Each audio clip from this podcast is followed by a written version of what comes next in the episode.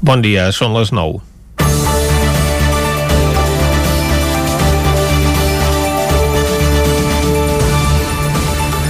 Els militants de Junts per Catalunya han escollit aquest cap de setmana que Laura Borràs sigui la seva candidata a les properes eleccions al Parlament, en un procés que ha tingut una elevada participació d'un 76% de la militància, molt per sobre de les eleccions als quadres territorials que recomponen l'estructura del partit després del seu trencament amb el PDeCAT. L'exconsellera de Cultura i actual portaveu al Congrés ha obtingut un 75% dels vots, mentre que l'altre candidat, el conseller de Territori i Sostenibilitat, Damià Calvet, s'ha quedat amb només el 20%. Aquest resultat reordena la situació en l'espai postconvergent, actualment atomitzat, amb Marta Pascal com a candidata del Partit Nacionalista de Catalunya i Àngel Chacón del PDeCAT. Calvet era el candidat defensat per molts dels quadres dirigents que procedeixen del PDeCAT, però que li veien poc futur a aquestes cicles presentant-se en solitari, tal i com vaticinen les últimes enquestes. Entre els que donaven suport a Calvet hi havia el seu antecessor al càrrec, Josep Rull, o els també exconsellers presos Jordi Turull i Joaquim Forn. Lledoners deu ser ara mateix una olla a pressió. A Muriel Junqueras regint els destins d'Esquerra Republicana que intenta destronar Junts per Catalunya de la plaça de Sant Jaume. Mentre que, per altra banda, Jordi Sánchez s'ha sortit amb la seva, defensant un projecte més transversal per Junts per Catalunya i alliberant-se de la rèmora convergent. L'expresident de l'Assemblea Nacional Catalana es va fer amb el control de les sigles pactant en Carles Puigdemont que fos l'alcalde de Balanyà, fins llavors independent, qui passés a presidir el partit durant aquest interregne. Ara han aconseguit col·locar el seu candidat favorit, defensat també pel fins ara president Quim Torra amb un discurs més decididament independentista que el seu adversari i també un perfil més independent perquè no prové de cap militància, Borràs també era la candidata favorita en feus tradicionalment convergents com Osona.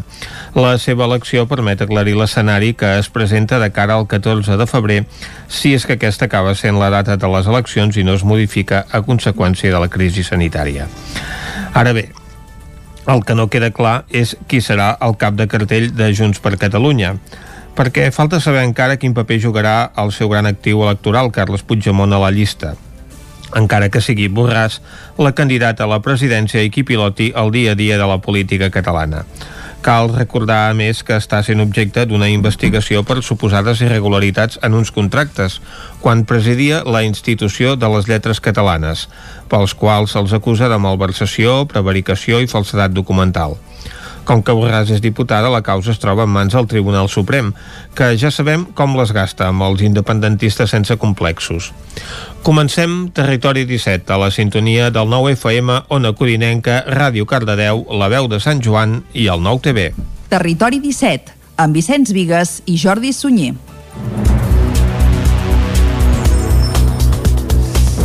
Són les 9 i 3 minuts del dilluns, dia 30 de novembre de 2020, últim dia del mes de novembre. I arrenca ara mateix un nou Territori 17 que avui, durant la primera hora, us acostarà tota l'actualitat de les nostres comarques. Després, a partir de les 10, avui parlarem sobretot d'esports. Per què? Doncs perquè farem un repàs al cap de setmana esportiu, sabrem com els han anat els principals equips del nostre territori i també acabarem fent tertúlia futbolística de la jornada de Lliga del cap de setmana setmana. A més, com que és dilluns, també coneixerem alguna novetat discogràfica d'àmbit nacional. Ens la costarà, com sempre, l'Arnau Jaumira.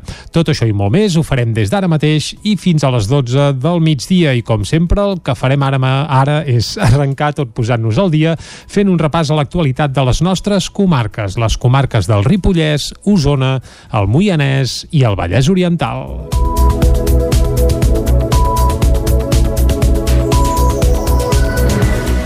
A partir d'aquesta setmana, el Departament de Salut farà cribratges poblacionals a diferents punts de la Catalunya central. A Osona, entre d'altres, es faran a Vic i a Manlleu. Els primers cribatges a Osona es, fan, eh, es van fer aquest estiu a través de proves PCR. Ara es faran servir tests d'antígens. Es tracta d'una estratègia que Salut ja va aplicar després de la primera onada i que ara a les portes de Nadal repeteix per tal de detectar casos asimptomàtics que permetin tallar possibles cadenes de transmissió comunitària. Ho va avançar divendres en una entrevista al nou magazín del Nou TV Ima Cervós, subdirectora regional de l'Agència de Salut Pública a la Catalunya Central. A partir de la setmana propera també podríem avançar que el que es faran són testos eh, antigènics a diferents punts de municipis de la comarca d'Osona i tota Catalunya per intentar aconseguir el màxim nombre de persones positives asimptomàtiques que els hem de trobar i mm, fer quarantena i aïllament. La gerent del CatSalut ens ha informat que a Vic ja està previst, Manlleu i diferents municipis de tota la Catalunya central durant les properes setmanes. Serà obert a partir de 16 anys i per tant eh, hi haurà informació i serà visual, visual on, on es farà aquesta prova. Segons va avançar Cervós, les proves es faran als centres d'atenció primària o a instal·lacions properes als CAPs. En un any han baixat la persiana 101 comerços al centre de Vic, 64 d'ells durant la crisi sanitària.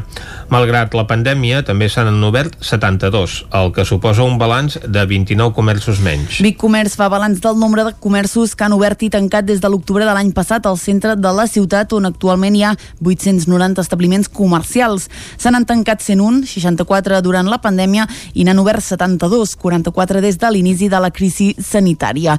El balanç és de 29 comerços menys, tot i que des de Vic Comerç s'esperaven xifres pitjors. Roger, Roger Noguer és el gerent de l'entitat. Sí que és veritat que aquest any doncs, hem, hem estat amb la situació de, de la pandèmia, un període que ens pensàvem que alteraria substancialment les dades i hem vist que, bé, que les dades de, que, que hem tret doncs, demostren que no hi ha hagut una acceleració de tancaments degut a la pandèmia, sí que hi ha hagut una constant en davallada entre l'octubre del 2019 i el febrer del 2020, els sectors més afectats en pèrdua d'establiments eren els dels subsectors quotidià alimentari i quotidià no alimentari. En canvi, a partir del primer confinament, qui més ha patit les conseqüències són els subsectors de l'equipament de la persona, l'hostaleria i els serveis, que sumen 29 de les 20, 25 perdoneu, de les 29 baixes que es produeixen, Roger Nogués. Bé, normalment cada any els sectors que tenen més volatilitat són els sectors de l'equipament de la persona i els serveis. Eh? Són els sectors on s'obren més botigues i se'n tanquen més també al mateix temps. Eh? Aquest any, però, clar, s'ha incorporat l'hostaleria, que s'ha vist bastant afectada per aquesta pandèmia. Els carrers on hi ha hagut més tancaments de botigues són el carrer Nou i el carrer de Gurb amb 17 i 15 respectivament. El segueix la plaça Major i la Rambla de l'Hospital amb 12. Després de 33 anys actiu, el gimnàs de la Bigatana Roser Puig tancarà el proper 18 de desembre, una decisió precipitada per la pandèmia. El gimnàs va viure la seva època daurada a principis dels anys 90, on se celebraven maratons d'aeròbic. El gimnàs de la Bigatana Roser Puig baixarà la persiana el pròxim 18 de desembre després de 33 anys en què ha marcat una època a Vic. El context de pandèmia ha precipitat la decisió de tancar l'icònic gimnàs en els últims 5 anys instal·lat dins del seminari de Vic. I jo la meva opció era no, no plegar, vull dir, jo volia treballar dos o tres anys més, o quatre. Jo em trobo molt bé, m'agrada molt la meva feina i, bueno, no donava un, un, una data final. Però degut a tot aquest panorama que tenim, eh, en el primer tancament dels negocis ja em van fer dubtar, però vaig eh, optar per, per seguir, però aquest segon tancament sí que ha arribat al punt que he dit, bueno, ara, ara ja no es pot, és, és que és insostenible, no es pot.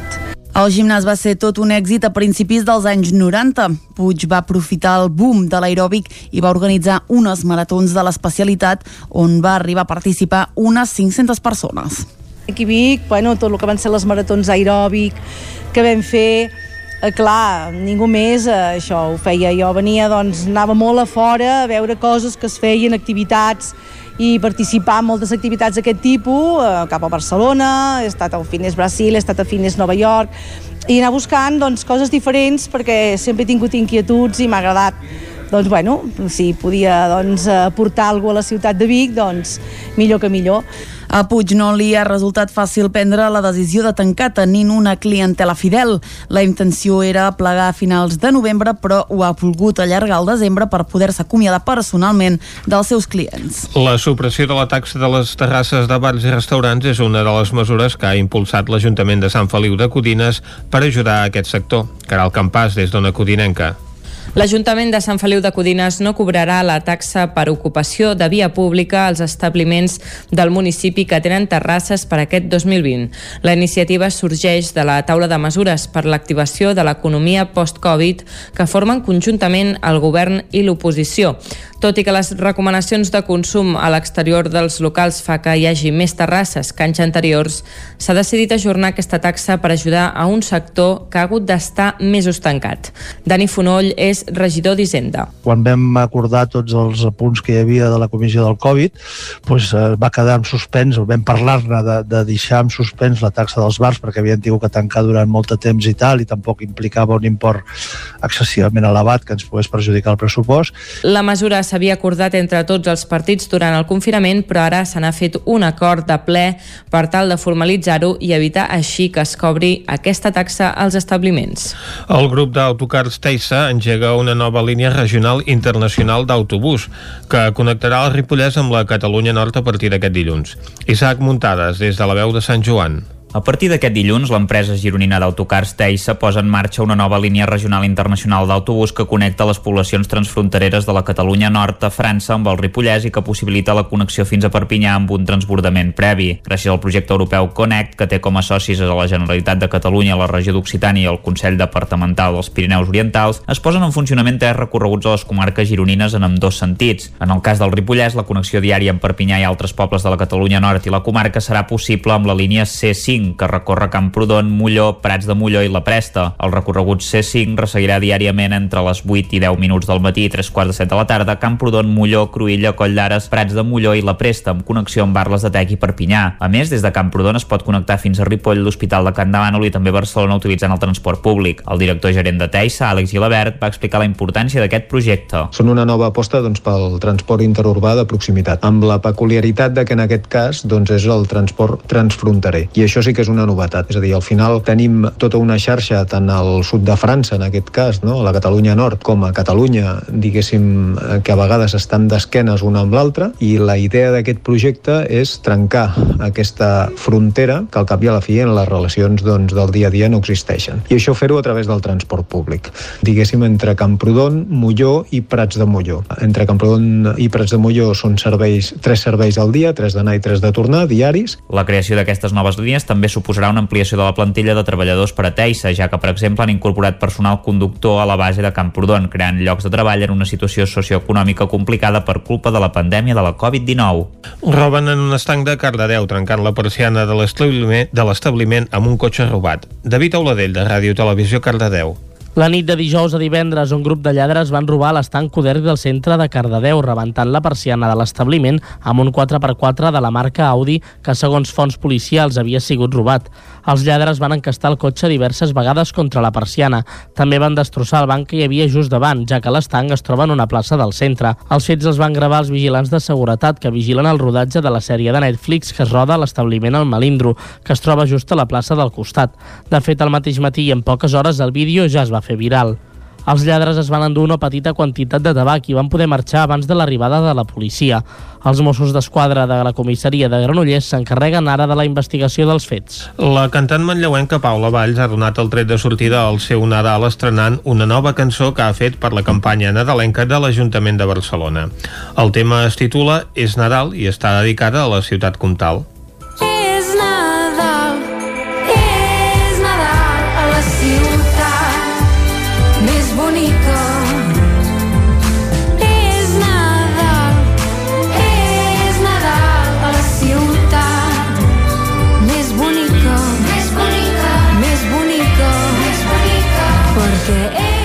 El nou tema es va presentar conjuntament amb un videoclip aquest dijous a la tarda, el dia que Barcelona feia l'encesa dels llums de Nadal.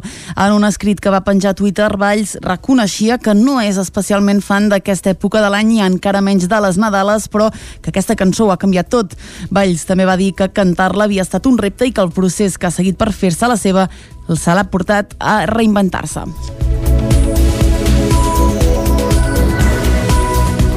Nadal que precisament vam estrenar divendres passat aquí a Territori 17. I fins aquí el butlletí informatiu que us hem ofert amb les veus de Vicenç Vigues, Clàudia Dinarès, David Auladell, Caral Campàs i Isaac Muntades. Ara arriba el moment de conèixer el temps que ens espera per a les properes hores.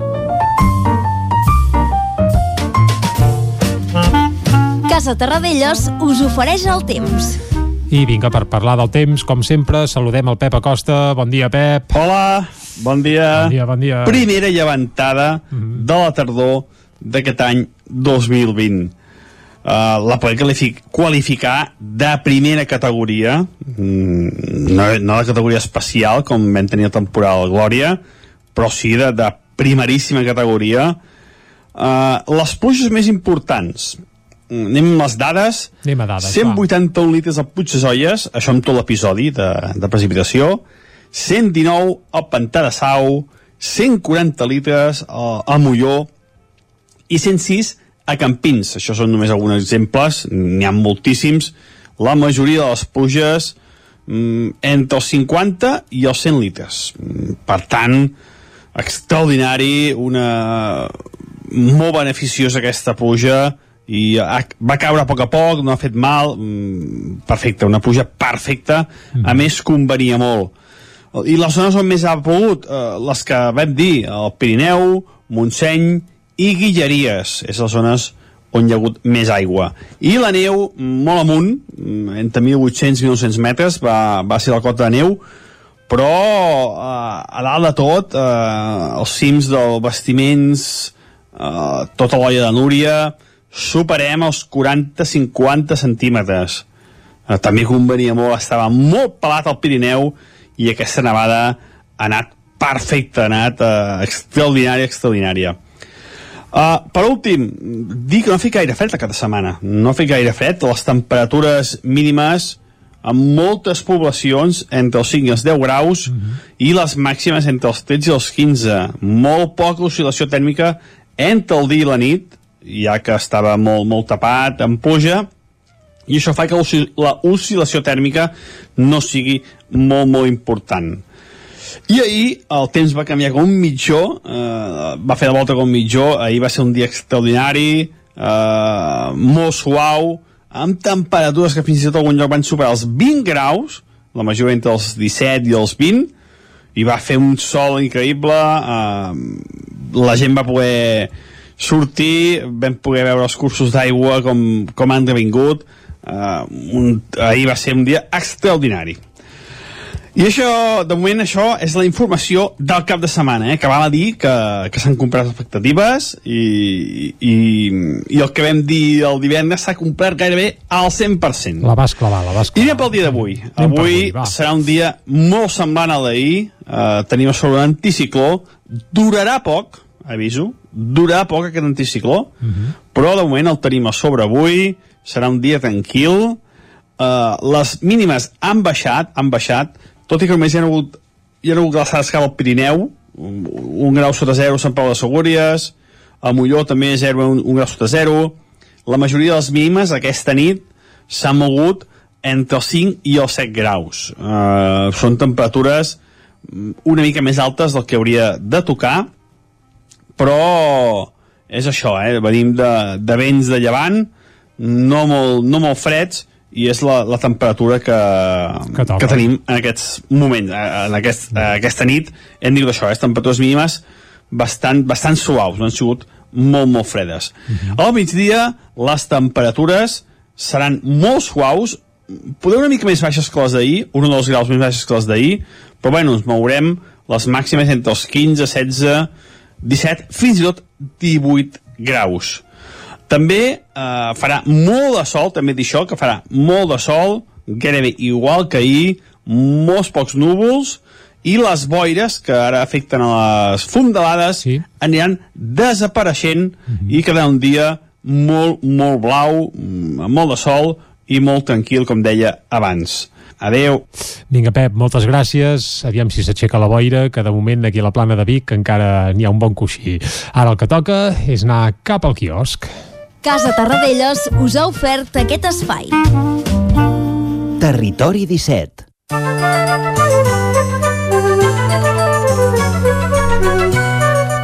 Anem, doncs, cap al quiosc i com que avui és dilluns el que farem és eh, començar aquest recorregut per la premsa de la jornada amb les portades del 9-9, Clàudia. Bon dia de nou, doncs sí, comencem amb l'edició d'Osona i el Ripollès que diu Salut tornarà a fer testos massius a Vic i a Manlleu per detectar asimptomàtics.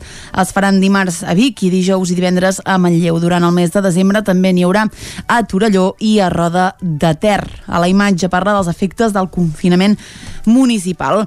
El comerç de Vic, que dep- depèn un 60% de clients de la comarca d'Osona, ha vist reduïda la seva activitat pel confinament municipal durant els caps de setmana. En alguns pobles, en canvi, la mesura implantada per superar la segona onada de la pandèmia ha omplert de nous clients les botigues, sobretot les d'alimentació. Més coses, el conseller Samper posa la coordinació entre cossos a Vic de model per millorar l'eficàcia policial.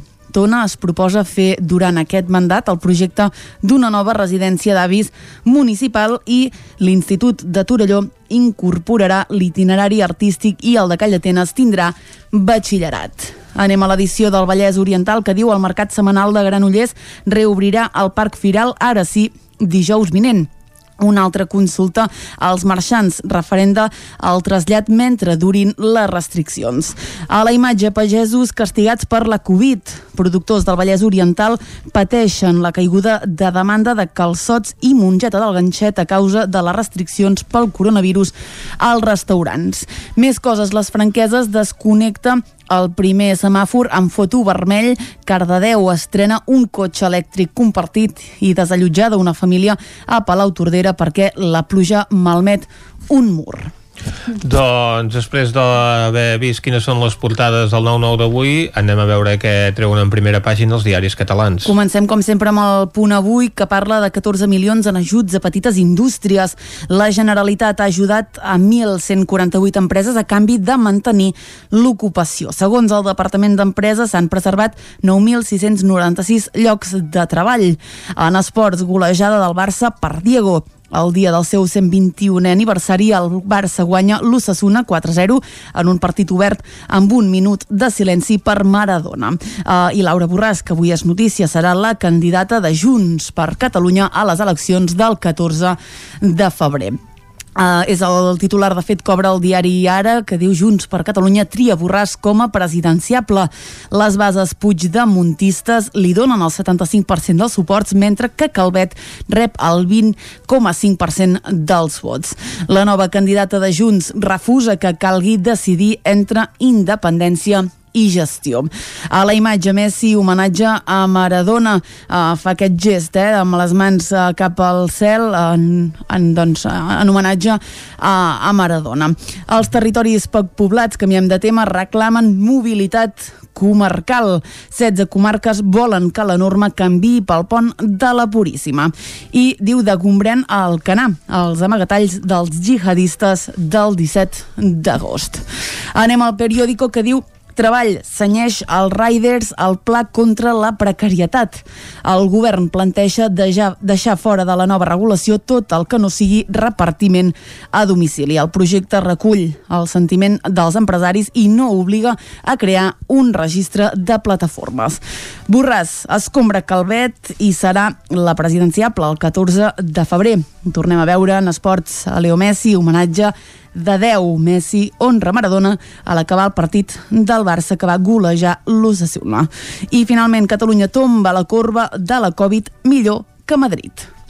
Anem acabant amb les portades catalanes, anem a l'avantguàrdia, que diu Junts elegeix Borràs com a candidata a presidenta al 14F.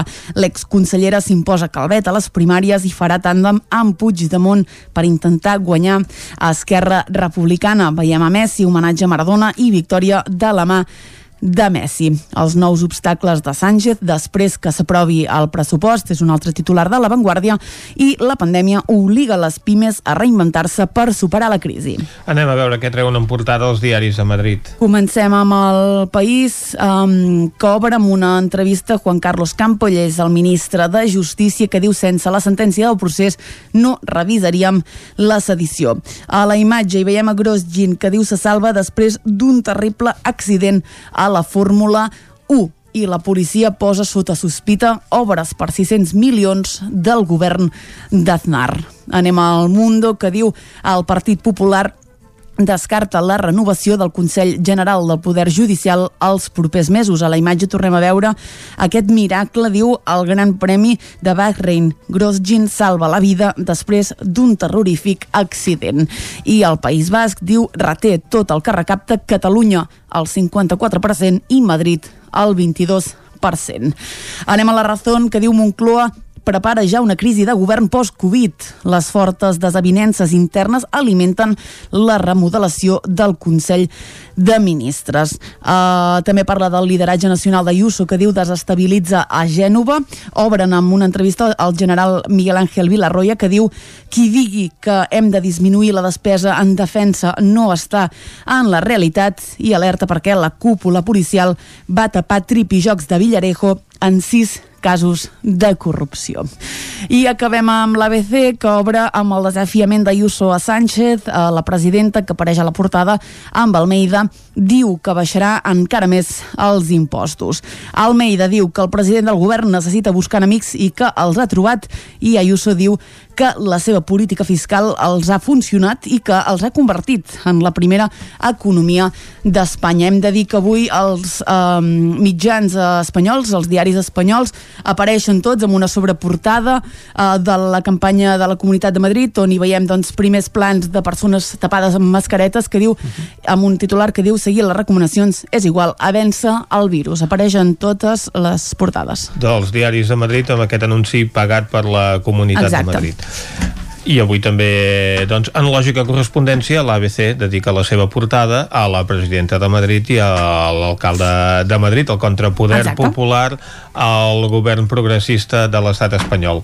Aquests són els protagonistes de les portades eh, de Madrid, en aquest cas, doncs, la política espanyola amb la situació doncs, que s'està vivint arran de la pandèmia, tant a la Comunitat de Madrid com en altres zones de l'Estat. A Catalunya, els protagonistes de les portades d'avui són Leo Messi, amb aquesta dedicatòria que va fer a Maradona del seu gol d'ahir al Camp Nou, i Laura Borràs, escollida com a candidata a la presidència de Junts per Catalunya, mentre que la imatge impactant del dia la protagonitza el pilot de Fórmula 1, Roman Grosjean, fugint de les flames al Gran Premi de Bahrein, una fotografia que apareix a les portades del Mundo i del País. Amb aquesta visita al quiosc tanquem aquest bloc informatiu.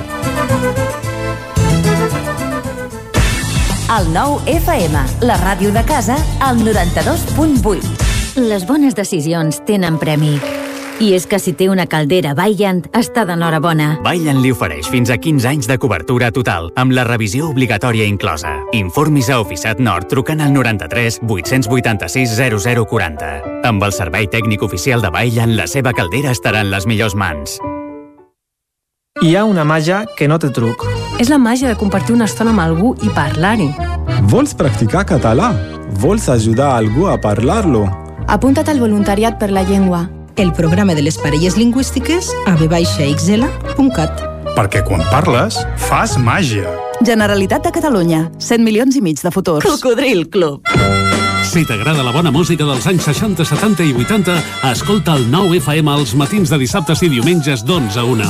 És el temps del Cocodril Club, tot un clàssic de la ràdio, amb les bases del pop-rock, les llegendes, les cançons que s'han convertit en autèntics himnes. Recorda, dissabtes i diumenges al matí, d'11 a 1, al 9 FM 92.8. Cocodril Club, el programa revival de l'Albert Malla.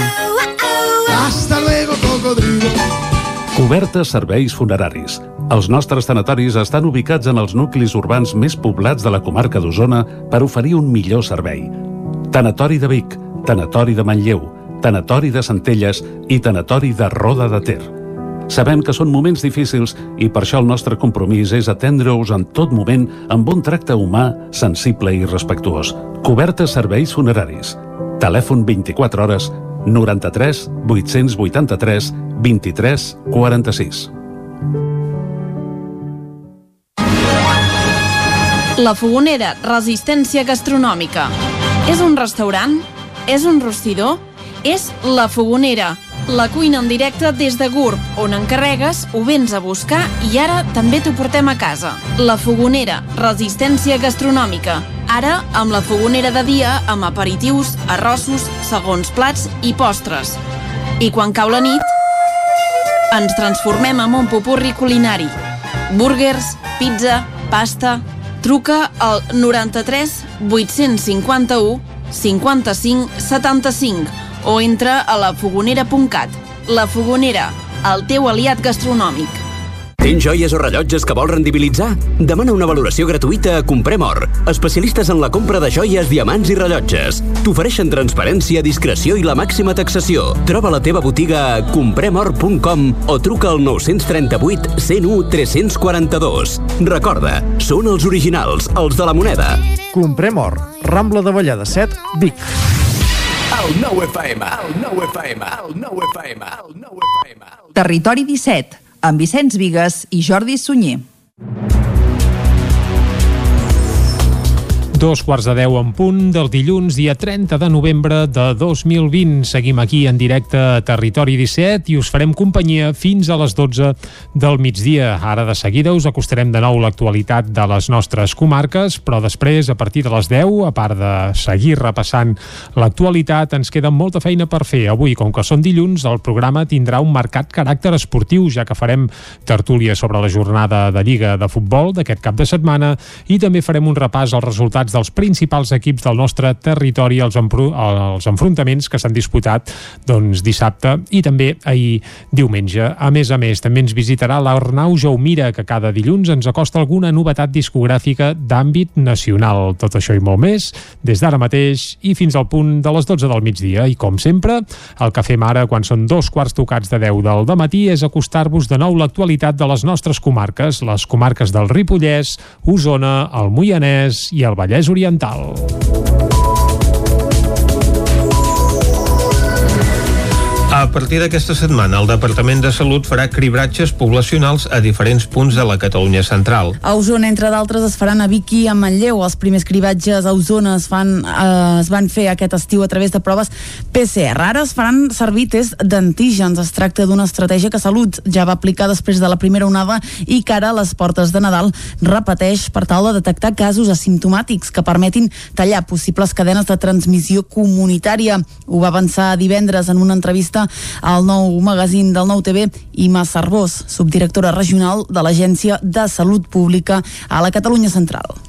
A partir de la setmana propera també podríem avançar que el que es faran són testos eh, antigènics a diferents punts de municipis de la comarca d'Osona i tota Catalunya per intentar aconseguir el màxim nombre de persones positives asimptomàtiques que els hem de trobar i mm, fer quarantena i aïllament.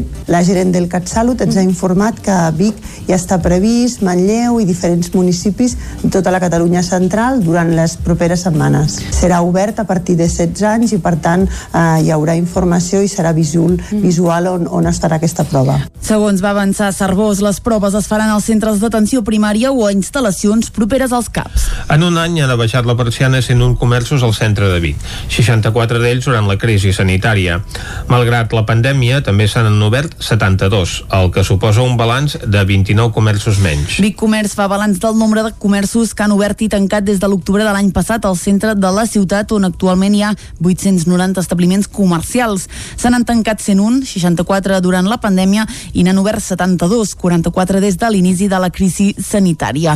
El balanç és de 29 comerços menys, tot i que des de Vic Comerç s'esperaven xifres pitjors. Roger, Roger Noguer és el gerent de l'entitat. Sí que és veritat que aquest any doncs, hem, hem estat amb la situació de, de la pandèmia, un període que ens pensàvem que alteraria substancialment les dades i hem vist que, bé, que les dades de, que, que hem tret doncs, demostren que no hi ha hagut una acceleració de tancaments degut a la pandèmia, sí que hi ha hagut una constant en davallada Entre l'octubre del 2019 i el febrer del 2020, els sectors més afectats en pèrdua d'establiments eren els dels subsectors quotidià alimentari i quotidià no alimentari. En canvi, a partir del primer confinament, qui més ha patit les conseqüències són els subsectors de l'equipament de la persona, l'hostaleria i els serveis, que sumen 29 de les 20, 25 perdoneu, de les 29 baixes que es produeixen. Roger Nogués. Bé, normalment cada any els sectors que tenen més volatilitat són els sectors de l'equipament de la persona i els serveis. Eh? Són els sectors on s'obren més botigues i se'n tanquen més també al mateix temps. Eh? Aquest any, però, clar, s'ha incorporat l'hostaleria, que s'ha vist bastant afectada per aquesta pandèmia. Els carrers on hi ha hagut més tancaments de botigues són el carrer Nou i el carrer de Gurb amb 17 i 15 respectivament. El segueix la plaça Major i la Rambla de l'Hospital amb 12. Després de 33 anys actiu, el gimnàs de la Bigatana Roser Puig tancarà el proper 18 de desembre, una decisió precipitada per la pandèmia. El gimnàs va viure la seva època daurada a principis dels anys 90, on se celebraven maratons d'aeròbic. El gimnàs de la Bigatana Roser Puig abaixarà la persiana el pròxim 18 de desembre després de 33 anys en què ha marcat una època a Vic. El context de pandèmia ha precipitat la decisió de tancar l'icònic gimnàs en els últims 5 anys instal·lat dins del seminari de Vic. I jo la meva opció era no, no plegar, vull dir, jo volia treballar dos o tres anys més, o quatre. Jo em trobo molt bé, m'agrada molt la meva feina i, bueno, no donava un, un, una data final. Però degut a tot aquest panorama que tenim, eh, en el primer tancament dels negocis ja em van fer dubtar, però vaig eh, optar per, per seguir però aquest segon tan tancament sí que ha arribat al punt que he dit, bueno, ara, ara ja no es pot és, és que és insostenible, no es pot el gimnàs va ser tot un èxit a principis dels anys 90. Puig va aprofitar el boom de l'aeròbic i va organitzar unes maratons de l'especialitat on va arribar a participar unes 500 persones.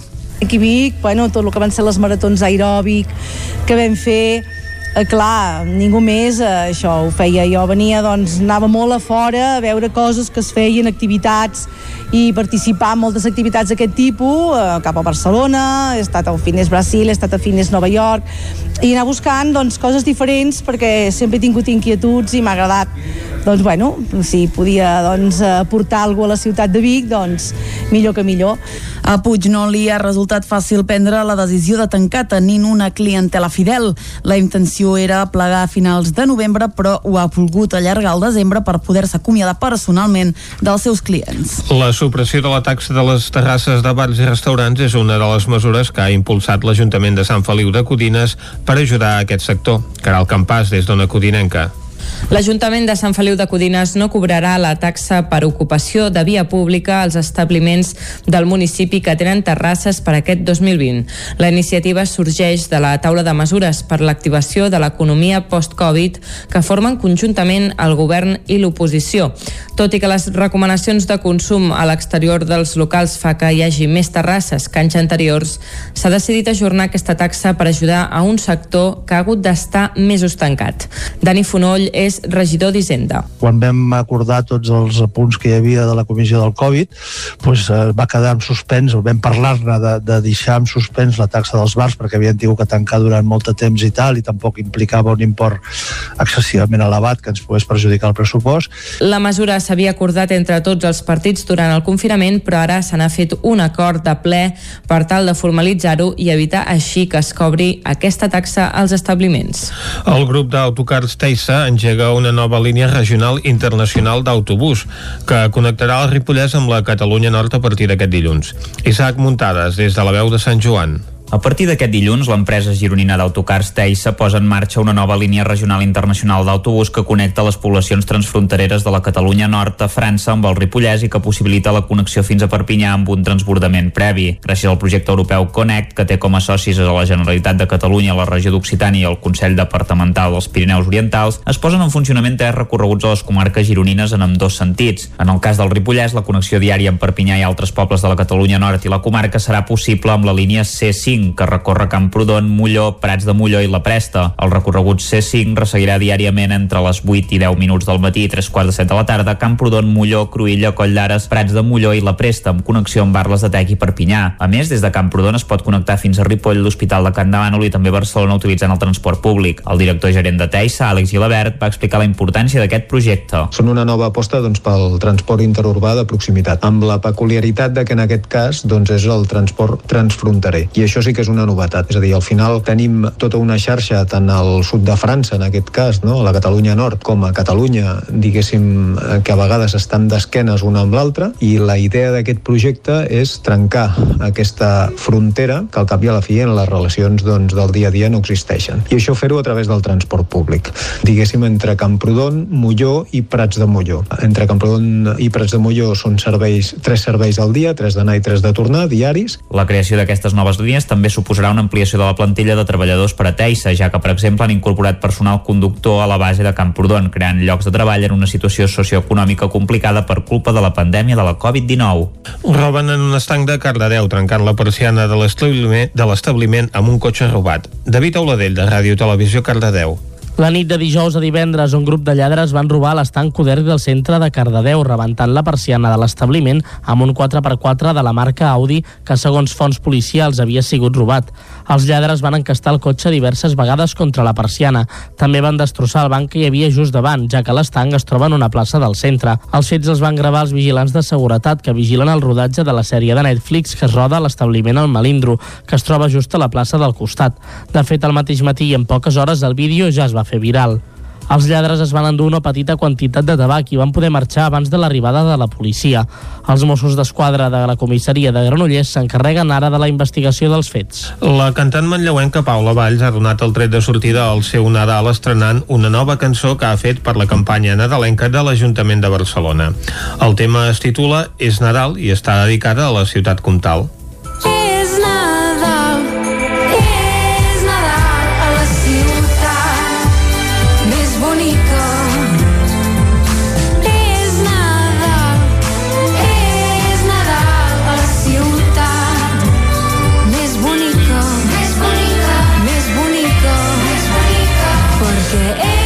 El nou tema es va presentar conjuntament amb un videoclip aquest dijous a la tarda, el dia que Barcelona feia l'encesa dels llums de Nadal. En un escrit que va penjar a Twitter, Valls reconeixia que no és especialment fan d'aquesta època de l'any i encara menys de les Nadales, però que aquesta cançó ho ha canviat tot. Valls també va dir que cantar-la havia estat un repte i que el procés que ha seguit per fer-se la seva se l'ha portat a reinventar-se.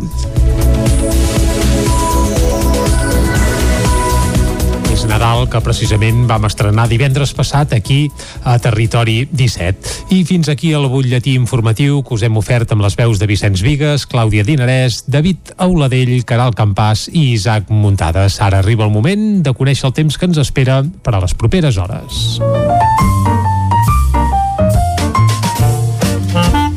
Casa Terradellos us ofereix el temps. I vinga, per parlar del temps, com sempre, saludem el Pep Acosta. Bon dia, Pep. Hola, bon dia. Bon dia, bon dia. Primera llevantada de la tardor d'aquest any 2020. Uh, la podem qualific qualificar de primera categoria, mm, no, no de categoria especial, com vam tenir la temporada Glòria, però sí de, de primeríssima categoria. Uh, les pluges més importants, Mm, anem amb les dades. Anem a dades, 181 litres al Puig de Zolles, això amb tot l'episodi de, de precipitació. 119 al Pantà de Sau, 140 litres a, a Molló i 106 a Campins. Això són només alguns exemples, n'hi ha moltíssims. La majoria de les pluges mm, entre els 50 i els 100 litres. Mm, Per tant, extraordinari, una molt beneficiosa aquesta pluja i ha, va caure a poc a poc, no ha fet mal, mm, perfecte, una pluja perfecta, a més convenia molt. I les zones on més ha pogut, eh, les que vam dir, el Pirineu, Montseny i Guilleries, és les zones on hi ha hagut més aigua. I la neu, molt amunt, mm, entre 1.800 i 1.900 metres, va, va ser la cota de neu, però eh, a dalt de tot, eh, els cims dels vestiments, eh, tota l'olla de Núria, superem els 40-50 centímetres. Eh, també convenia molt, estava molt pelat al Pirineu i aquesta nevada ha anat perfecta, ha anat eh, extraordinària, extraordinària.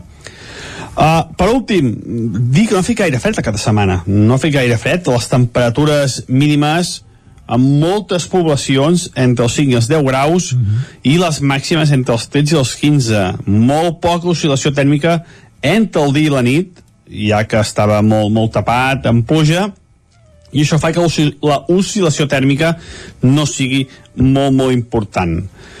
I ahir el temps va canviar com un mitjó, eh, va fer la volta com un mitjó, ahir va ser un dia extraordinari, eh, molt suau, amb temperatures que fins i tot algun lloc van superar els 20 graus, la majoria entre els 17 i els 20, i va fer un sol increïble, eh, la gent va poder sortir, vam poder veure els cursos d'aigua com, com han devingut, eh, un, ahir va ser un dia extraordinari.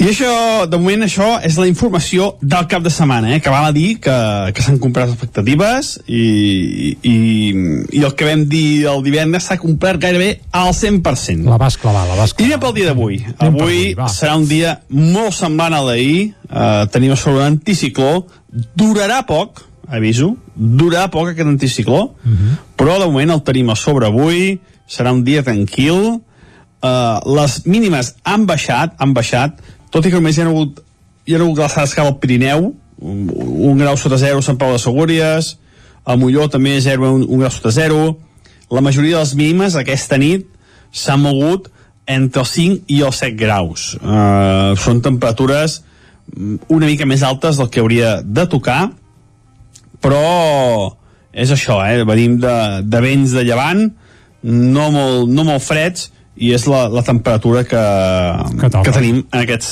moments, eh, en aquest, eh, aquesta nit, hem dit això, eh? temperatures mínimes bastant, bastant suaus, no han sigut molt, molt fredes. Uh -huh. Al migdia, les temperatures seran molt suaus, poder una mica més baixes que les d'ahir, un o dos graus més baixes que les d'ahir, però bueno, ens mourem les màximes entre els 15, 16, 17, fins i tot 18 graus.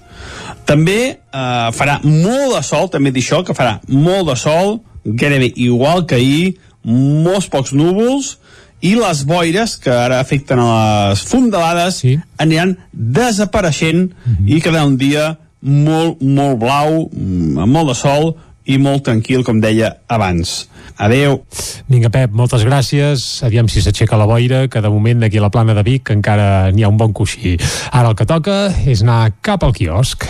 Casa Tarradellas us ha ofert aquest espai. Territori 17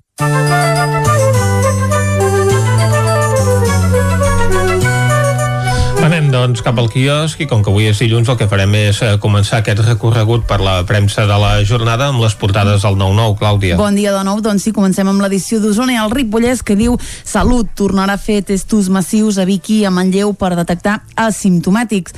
Es faran dimarts a Vic i dijous i divendres a Manlleu. Durant el mes de desembre també n'hi haurà a Torelló i a Roda de Ter. A la imatge parla dels efectes del confinament municipal.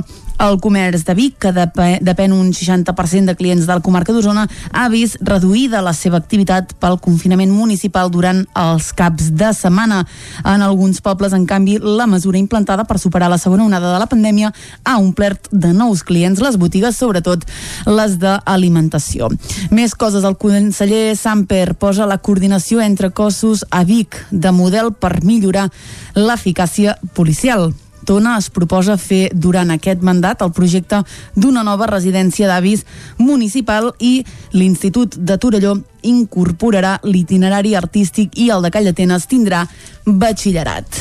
Anem a l'edició del Vallès Oriental que diu el mercat setmanal de Granollers reobrirà el Parc Firal ara sí dijous vinent una altra consulta als marxants referenda al trasllat mentre durin les restriccions. A la imatge, pagesos castigats per la Covid. Productors del Vallès Oriental pateixen la caiguda de demanda de calçots i mongeta del ganxet a causa de les restriccions pel coronavirus als restaurants. Més coses, les franqueses desconnecta el primer semàfor amb foto vermell, Cardedeu estrena un cotxe elèctric compartit i desallotjada una família a Palau Tordera perquè la pluja malmet un mur. Doncs després d'haver vist quines són les portades del 9-9 d'avui, anem a veure què treuen en primera pàgina els diaris catalans. Comencem, com sempre, amb el punt avui, que parla de 14 milions en ajuts a petites indústries. La Generalitat ha ajudat a 1.148 empreses a canvi de mantenir l'ocupació. Segons el Departament d'Empresa, s'han preservat 9.696 llocs de treball. En esports, golejada del Barça per Diego. El dia del seu 121è aniversari, el Barça guanya l'Ossassuna 4-0 en un partit obert amb un minut de silenci per Maradona. Uh, I Laura Borràs, que avui és notícia, serà la candidata de Junts per Catalunya a les eleccions del 14 de febrer. Uh, és el titular, de fet, cobra el diari Ara, que diu Junts per Catalunya tria Borràs com a presidenciable. Les bases puigdemontistes li donen el 75% dels suports, mentre que Calvet rep el 20,5% dels vots. La nova candidata de Junts refusa que calgui decidir entre independència i gestió. A la imatge Messi homenatge a Maradona uh, fa aquest gest eh, amb les mans uh, cap al cel en, en, doncs, en homenatge a, a Maradona. Els territoris poc poblats, canviem de tema, reclamen mobilitat comarcal. 16 comarques volen que la norma canvi pel pont de la Puríssima. I diu de Gombrèn al Canà, els amagatalls dels jihadistes del 17 d'agost. Anem al periòdico que diu Treball senyeix als Riders el pla contra la precarietat. El govern planteja deixar, deixar fora de la nova regulació tot el que no sigui repartiment a domicili. El projecte recull el sentiment dels empresaris i no obliga a crear un registre de plataformes. Borràs escombra Calvet i serà la presidenciable el 14 de febrer.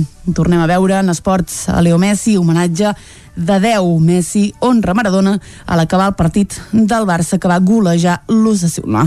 I finalment Catalunya tomba la corba de la Covid millor que Madrid. Anem acabant amb les portades catalanes, anem a l'avantguàrdia, que diu Junts elegeix Borràs com a candidata a presidenta al 14F. L'exconsellera s'imposa Calvet a les primàries i farà tàndem amb Puigdemont per intentar guanyar a Esquerra Republicana. Veiem a Messi, homenatge a Maradona i victòria de la mà de Messi. Els nous obstacles de Sánchez després que s'aprovi el pressupost és un altre titular de l'avantguàrdia i la pandèmia obliga les pimes a reinventar-se per superar la crisi. Anem a veure què treuen en portada els diaris a Madrid. Comencem amb el país um, que obre amb una entrevista a Juan Carlos Campoll, és el ministre de Justícia, que diu sense la sentència del procés no revisaríem la sedició. A la imatge hi veiem a Grosjean, que diu se salva després d'un terrible accident a la Fórmula 1 i la policia posa sota sospita obres per 600 milions del govern d'Aznar. Anem al Mundo, que diu el Partit Popular descarta la renovació del Consell General del Poder Judicial als propers mesos. A la imatge tornem a veure aquest miracle, diu el Gran Premi de Bahrein. Grosjean salva la vida després d'un terrorífic accident. I el País Basc diu reté tot el que recapta Catalunya al 54% i Madrid al 22%. Anem a la raó que diu Moncloa prepara ja una crisi de govern post-Covid. Les fortes desavinences internes alimenten la remodelació del Consell de Ministres. Uh, també parla del lideratge nacional d'Ayuso, que diu desestabilitza a Gènova. Obren amb una entrevista al general Miguel Ángel Villarroya, que diu qui digui que hem de disminuir la despesa en defensa no està en la realitat i alerta perquè la cúpula policial va tapar tripijocs de Villarejo en sis casos de corrupció. I acabem amb l'ABC, que obre amb el desafiament d'Ayuso a Sánchez, a la presidenta que apareix a la portada amb Almeida, diu que baixarà encara més els impostos. Almeida diu que el president del govern necessita buscar amics i que els ha trobat, i Ayuso diu que la seva política fiscal els ha funcionat i que els ha convertit en la primera economia d'Espanya. Hem de dir que avui els eh, mitjans espanyols, els diaris espanyols, apareixen tots amb una sobreportada eh, de la campanya de la Comunitat de Madrid, on hi veiem doncs, primers plans de persones tapades amb mascaretes que diu, amb un titular que diu seguir les recomanacions és igual a vèncer el virus. Apareixen totes les portades. Dels diaris de Madrid amb aquest anunci pagat per la Comunitat Exacte. de Madrid. I avui també, doncs, en lògica correspondència, l'ABC dedica la seva portada a la presidenta de Madrid i a l'alcalde de Madrid, el contrapoder Exacte. popular al govern progressista de l'estat espanyol. Aquests són els protagonistes de les portades eh, de Madrid, en aquest cas, doncs, la política espanyola amb la situació doncs, que s'està vivint arran de la pandèmia, tant a la Comunitat de Madrid com en altres zones de l'Estat, a Catalunya. Els protagonistes de les portades d'avui són Leo Messi, amb aquesta dedicatòria que va fer a Maradona del seu gol d'ahir al Camp Nou, i Laura Borràs, escollida com a candidata a la presidència de Junts per Catalunya, mentre que la imatge impactant del dia la protagonitza el pilot de Fórmula 1, Roman Grosjean, fugint de les flames al Gran Premi de Bahrein, una fotografia que apareix a les portades del Mundo i del País. Amb aquesta visita al quiosc tanquem aquest bloc informatiu. Doncs vinga, tanquem el bloc informatiu, Vicenç, i obrim el bloc musical. Cada dia fins a arribar al punt de les 10 del matí estrenem o repassem o escoltem alguna peça bé, amb l'excusa que sigui, sempre... És el moment de les estrenes mundials. Correcte, correcte.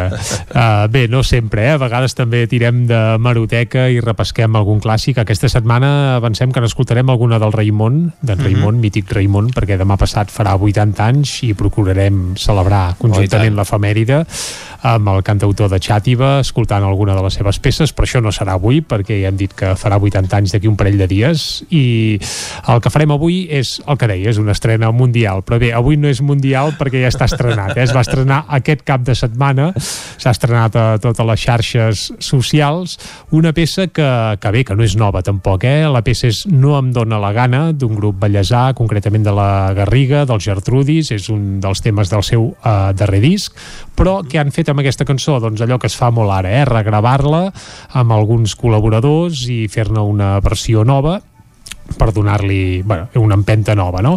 I què han fet els Gertrudis? Doncs s'han unit amb uns bons amics, en aquest cas amb Doctor Prats, una altra formació ballesana, en aquest cas del Vallès Occidental, no pas Oriental, per tant diguem que s'han agermanat els dos vallesos per fer una nova versió del Nom dona la gana, la peça que precisament eh, dona títol al darrer disc de, de Gertrudis. Eh, cal dir que també se n'ha fet un videoclip fantàstic d'aquesta cançó, és a dir, ha vingut acompanyat això, eh, de nova versió de la cançó, a més un videoclip on apareixen, per exemple, la Paula Jornet, que és aquella la Paula, amb dues B baixes, Paula, una cantant Bé, que també és molt interessant. També hi, aparte, hi apareix el Biel Duran, un actor conegudíssim, la Dèlia Brufau, actriu, eh, que apareixia amb les de l'hoquei, per exemple. Vaja, un videoclip que la veritat és que val, val molt la pena. Però com que som a la ràdio no veurem el videoclip, sinó que escoltarem aquesta nova versió de No em dóna la gana, dels Gertrudis, acompanyats, molt ben acompanyats pels Doctor Prats. I això, si encara no us l'han passat eh, els Reis de l'any passat o que sigui, doncs eh, la carta apunteu el nom de No la gana, el darrer disc dels d'això, dels ballesans Gertrudis, eh, que és ja el seu vuitè disc d'estudi, eh? és a dir, van plegar veles, però han tornat i sembla que tenen corda per anys els nous Gertrudis, i això, fan espetegar cançons com per exemple aquest No em dóna la gana que escoltarem ara eh? recordem que la rumba ja no hi és eh? els Gertrudis No, van fer un molt, canvi això. radical i ara són un grup de fusió eh, mestissatge i sobretot també vaja, s'apunten a les noves sonoritats així una mica electròniques doncs escoltem ara aquest No em dóna la gana i amb això arribarem fins al punt de les 10 Anem-hi? Som-hi. Vinga. I encara et creus amb el dret d'alimentar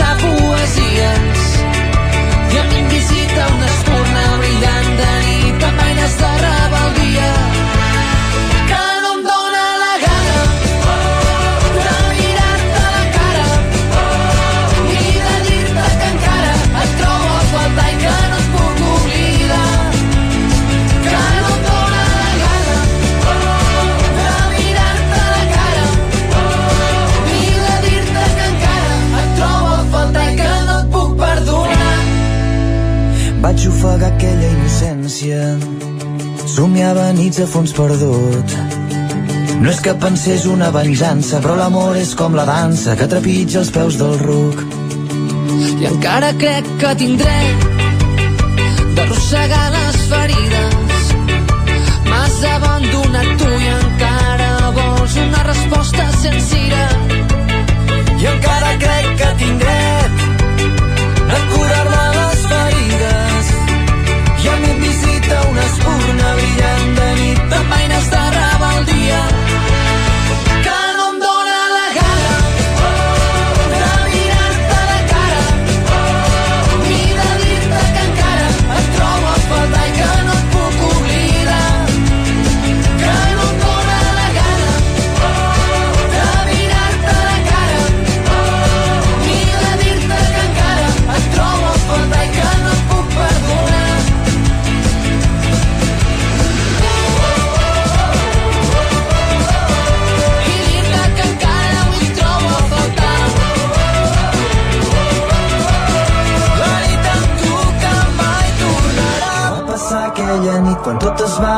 destruir? Què va passar aquell matí quan tot el que érem va fugir? On va quedar el món perfecte?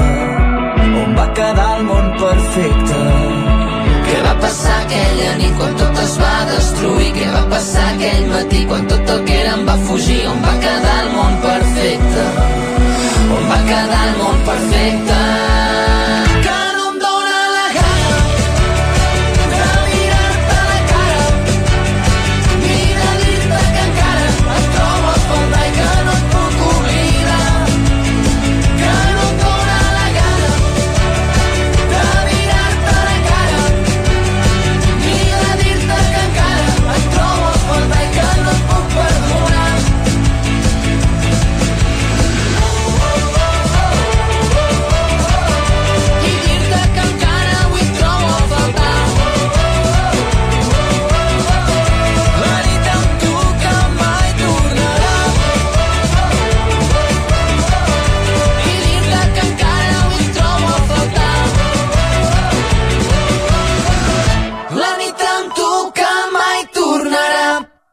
La informació de les nostres comarques, les comarques del Ripollès, Osona, el Moianès i el Vallès Oriental.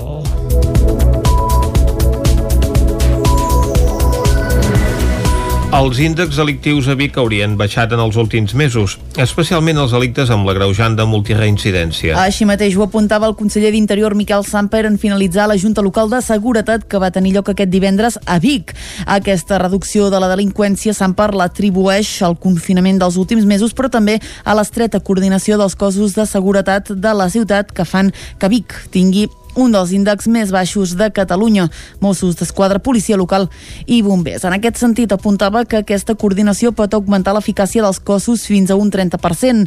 Pel que fa a la nova oficina de proximitat dels Mossos que Interior preveia implantar a Prats de Lluçanès, Samper va explicar que pels canvis pressupostaris derivats de la Covid-19 de moment no hi haurà cap acció immediata per la seva banda. L'alcaldessa de Vicana R apuntava que la principal preocupació de seguretat de la ciutat fa referència a l'accidentalitat. El sentim a tots dos.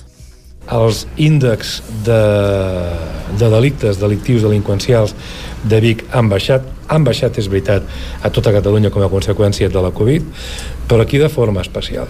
I de forma especial és justament per aquesta coordinació. També fins i tot el tema de les ocupacions, problema gravíssim a dia d'avui a tota Catalunya, aquí està força controlat. I també haig de dir que aquest control segur que té causa d'aquesta coordinació entre policia local i Mossos d'Esquadra. Ens continua preocupant, si cas, el tema de l'accidentalitat, més que res perquè eh, tenim sempre una ciutat que a vegades o perquè es despisten o perquè fins i tot ens travessen en llocs que no han de fer, tenim accidents. Molt contents de la unitat de K9 que tenim, sobretot en control de l'espai públic i el que pugui ser doncs, per tema de substàncies i la resta, la bona feina també que fa la Guàrdia Urbana i que ens ha anat fent sempre d'aquesta proximitat als barris, de control i sobretot també amb, amb la Covid portem més de 1.000 1.300. 1.300 denúncies en aquest control d'espai. Divendres el conseller Samper també va aprofitar per visitar l'Ajuntament de Vic on va firmar el llibre d'honor. Declaren testimonis a qui els joves de la cèl·lula de Ripoll van demanar les furgonetes. Isaac Muntades, des de la veu de Sant Joan.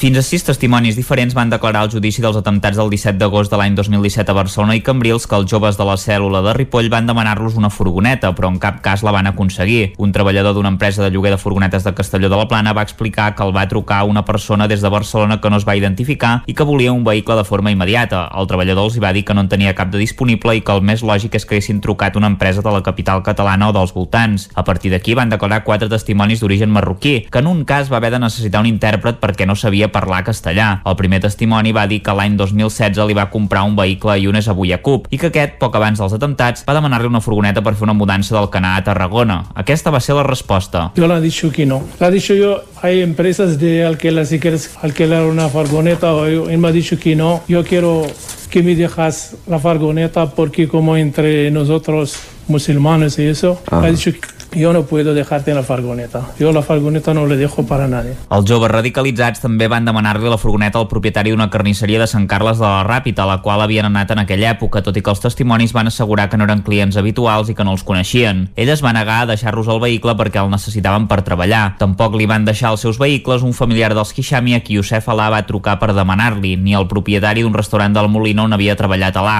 el qual tenia un Nissan Patrol. Podem escoltar-los? Sí, sí le, le llamó.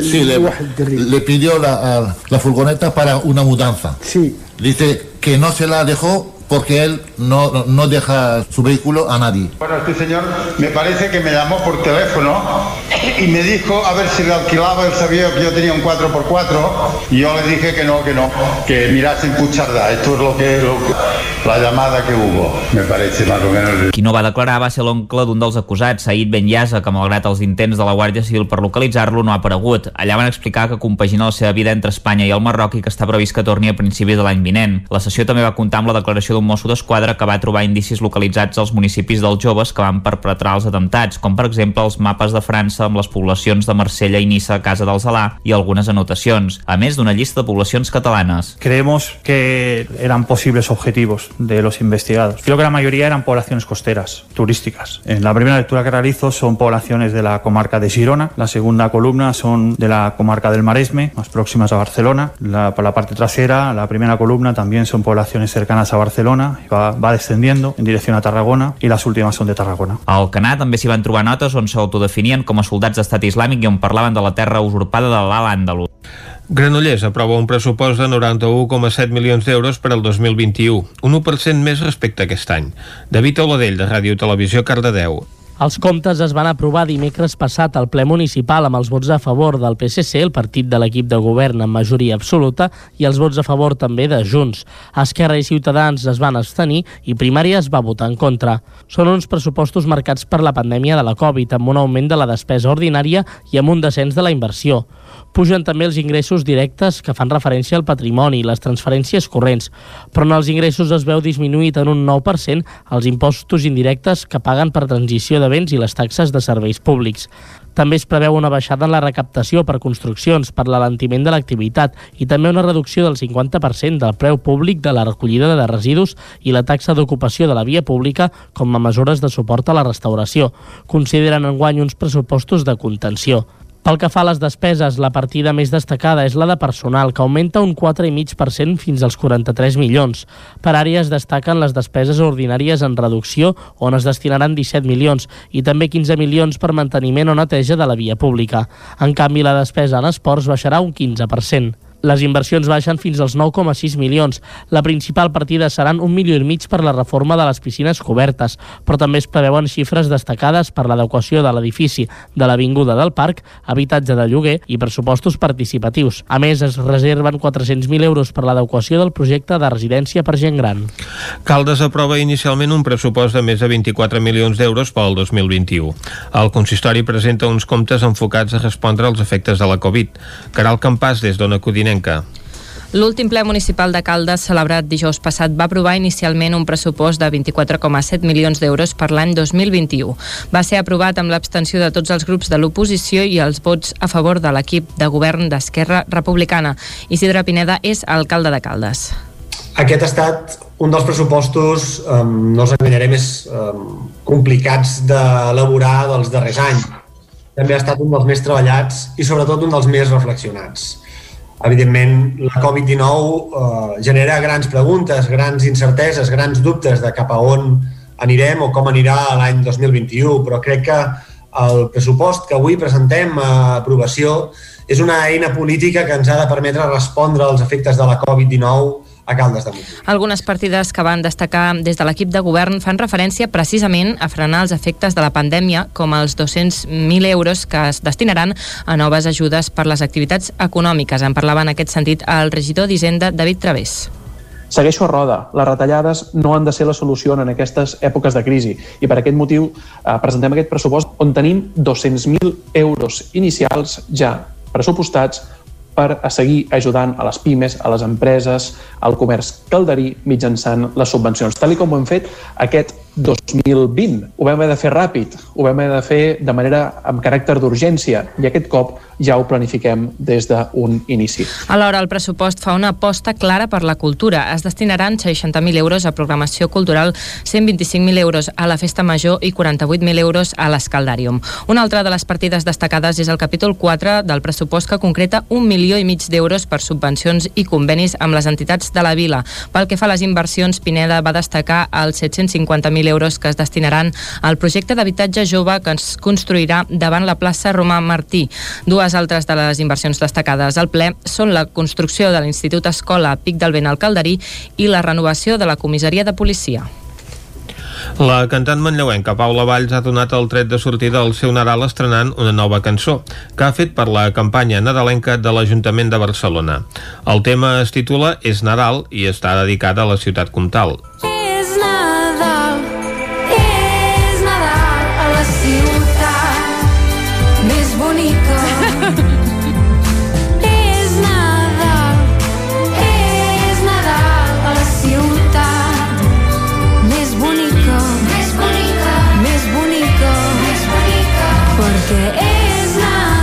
El nou tema es va presentar conjuntament amb un videoclip aquest dijous a la tarda, el dia que Barcelona feia l'encesa dels llums de Nadal.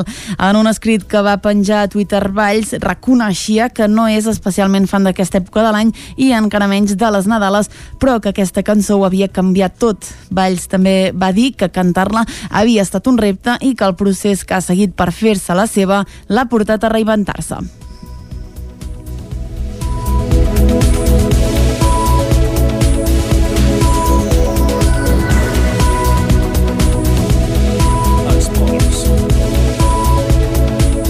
El pla de flexibilització de les restriccions que va començar dilluns va permetre la reobertura de les instal·lacions esportives. És el cas del Paleotraining Osona de Manlleu, un centre que va obrir les portes al públic el passat mes de juliol com a primer centre de la comarca d'aquest mètode d'entrenament. Troncs, pedres secs i calaixos són alguns dels elements indispensables per practicar el paleotraining, un entrenament funcional planificat amb moviments naturals adaptats a les capacitats de cada persona. Un exercici que des del mes de juliol es pot practicar en un gimnàs situat al número 8 del carrer Joan Vilaragut de Manlleu. Joan Sánchez, el seu propietari, es va introduir aquesta tècnica amb un objectiu, recuperar la vida saludable que assegura havia perdut amb el ritme de vida actual. Doncs es basa en els moviments que ha fet l'ésser humà durant tota la seva evolució.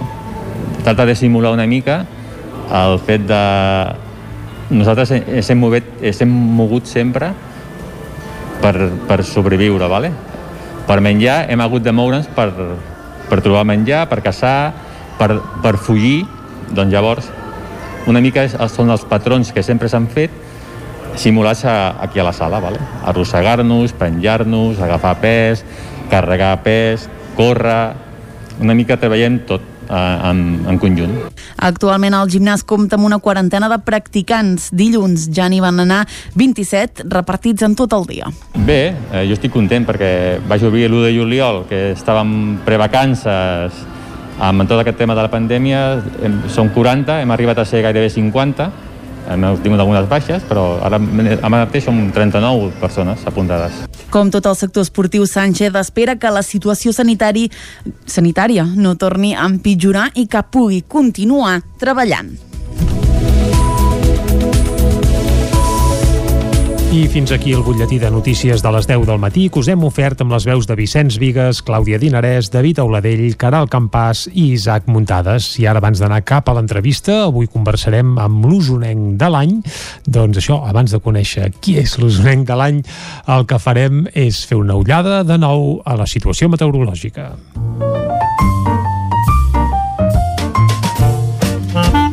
Casa Terradellos us ofereix el temps. I com sempre, qui ens acosta el temps és en Pep Acosta, qui ja saludem ara mateix. Bon dia de nou, Pep. Hola, bon dia. I bona hora. Avui serà un dia molt semblant a d'ahir. Uh, Mhm. tenim sobre un anticicló. Durarà poc, aviso. Durarà poc aquest anticicló. Vaja, no serà com però de moment el tenim a sobre avui. Serà un dia tranquil.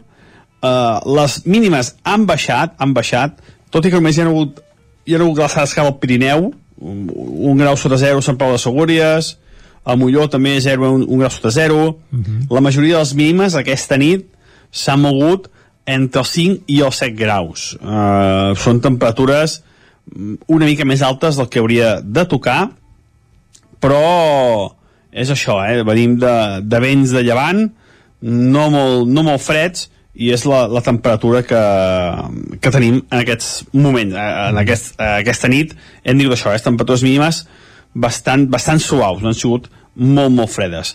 Al migdia, les temperatures seran molt suaus, poder una mica més baixes que les d'ahir, un o dos graus més baixes que les d'ahir, però bueno, ens mourem les màximes entre els 15, 16, 17, fins i tot 18 graus. També eh, farà molt de sol, també dir això, que farà molt de sol, gairebé igual que ahir, molts pocs núvols, i les boires que ara afecten a les fondalades aniran desapareixent i quedarà un dia molt, molt blau, amb molt de sol i molt tranquil, com deia abans. A partir de demà, mmm, atenció perquè entre vent del nord, injecció d'aire fred, la més important d'aquesta tardor, yep. i atenció, hem de seguir la situació, hem de seguir els mapes, eh, pot provocar nevades, eh, pluja, eh, ho hem de seguir-ho molt, molt especialment perquè la situació serà interessant. Eh, veurem quins efectes pot provocar aquesta primera entrada d'aire del nord molt notable que tindrem a partir de demà. Ja ho explicarem durant tota la setmana. Moltes gràcies i ens trobem demà matí. Adeu. Doncs Pep, moltes gràcies i estarem al cas de, vaja, d'aquesta fredurada que ens augures que s'atansa, aviam si acompanyada fins i tot de nevades amb cotes, bé, potser no del tot habituals. Ho anirem seguint, però ens quedem això, que avui ens espera un dia a partir de migdia en ple sol i d'aquells gairebé de, de primavera. Molt bé, ara el que sí que farem és anar cap a l'entrevista. Casa Tarradellas us ha ofert aquest espai.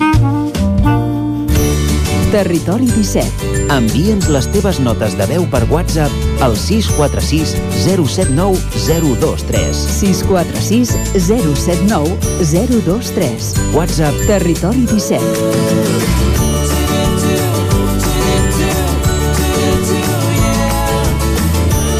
Territori 17. Som a Facebook, Twitter i Instagram amb l'usuari Territori 17.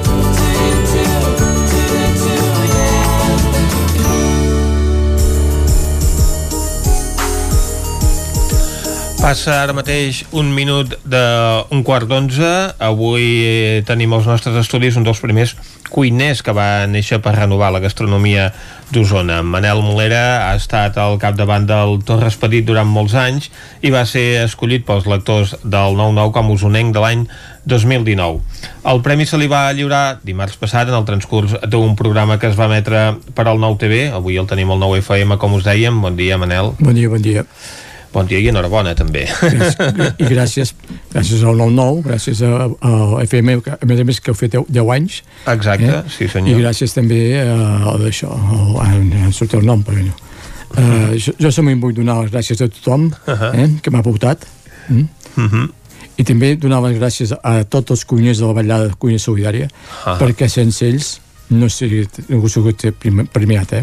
Evidentment, eh, aquest és un premi moltes vegades personalitzat, mm -hmm. però compartit perquè al mm -hmm. darrere d'una gran activitat social i solidària hi ha molta altra gent sí, que hi ha molta altra gent, com a Junta, com molta gent. Mm -hmm. I quanta gent l'ha felicitat eh, bueno, en, aquests, en aquests dies que fa el, que... El, el, dimarts, el dimarts el meu telèfon treia fum. treia fum. Jo no, no anava a l'abast de, de felicitar a tothom. Per mm -hmm. sort, per WhatsApp, eh, és, com que moltes accions són automàtiques, uh -huh. i ja quasi, quasi tot sortia automàtic.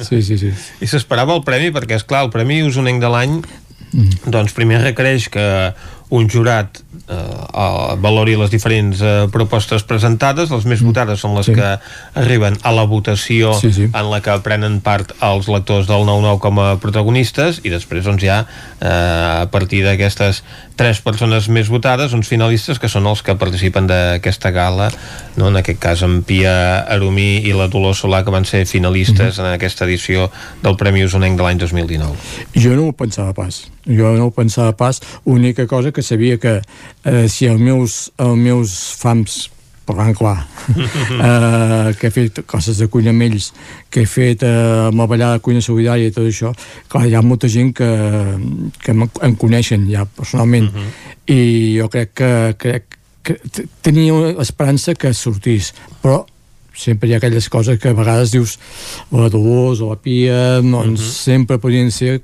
que, a, a vosaltres uh -huh. però em van sorprendre bastant Uh -huh. La llàstima és no haver pogut eh, celebrar doncs, amb la gent que hagués volgut compartir Sí. amb vostè aquest eh, premi, Sí, sí, sí. acompanyar-lo en eh, l'acte Sí, que sí, sí. tradicionalment és un acte públic. és un altre públic eh, la, la, la, la, quan, quan estem ara que no podem fer res, que tenim que anar amb mascaretes tapats que no ens coneixem ni pel carrer Uh -huh. és difícil, és difícil Uh -huh. Vostè és eh, net dels fundadors de la Font de Torres. no, jo soc bisnet Besnet. bisnet, la quarta generació els meus bisavis l'any 1910 Mhm. van, van inaugurar, van inaugurar, agafar la fonda. Ah. eh, en teoria, en teoria, perquè l'any 1910 es va fer els papers formals a la Generalitat. Mhm. O sigui que aquell, aquella època jo crec que abans diguéssim, van començar Mhm. i després van fer els papers. No és Clar. com ara, que ara Clar. tens de fer els papers per inaugurar una I després cosa. veure si pots començar, no? Sí. Estem parlant d'un establiment doncs, eh, més que centenari, molt reconegut doncs, a Manlleu i a la comarca i a partir d'aquesta tradició familiar vostè va apostar per innovar la cuina. Sí, jo tenia que fer un canvi, jo tenia que aprendre a cuinar, jo tenia que... Això. A, a partir de, jo quan vaig començar, vaig començar als 9 anys, Mhm. amb els meus pares, i allà m'ensenyaven una mica de la cuina. Mhm. I a partir d'aquí jo li vaig dir al meu pare que jo tenia que, que començar a aprendre, eh, eh, no podia a seguir els seus, el seu, la seva cuina. Jo Mhm. tenia que, que començar a néixer i, a- i a, a partir d'aquí aprendre. Jo vaig estar estudiant en molts puestos, també vaig estar estudiant per començar aquí a Vic, vaig Ah. estar estudiant al Call Nord, eh? que és allà al, al, al carrer, a la Ronda Camprodon, que, a aquella època. Després vaig estar a Camp de Bona, Ah. també amb en Llorenç, i després me'n vaig anar a, a, estudiar, a aprendre a la, costa, a la Costa Brava, a la Costa Brava a aprendre en un restaurant, i després vaig, vaig anar a, a, el que era Arnadí, que era el Horstman.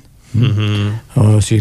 I a partir d'aquí allà al Horstman vaig estar quasi 9 anys estudiant perquè vaig superar uns canvis molt, molt forts durant molts anys Ahà. o sigui, a, a, a, a Arnadí amb el Josep Llanosa Mhm. i després vam marxar cap de 3 anys jo vaig aprendre cuina catalana del segle XIV Mhm.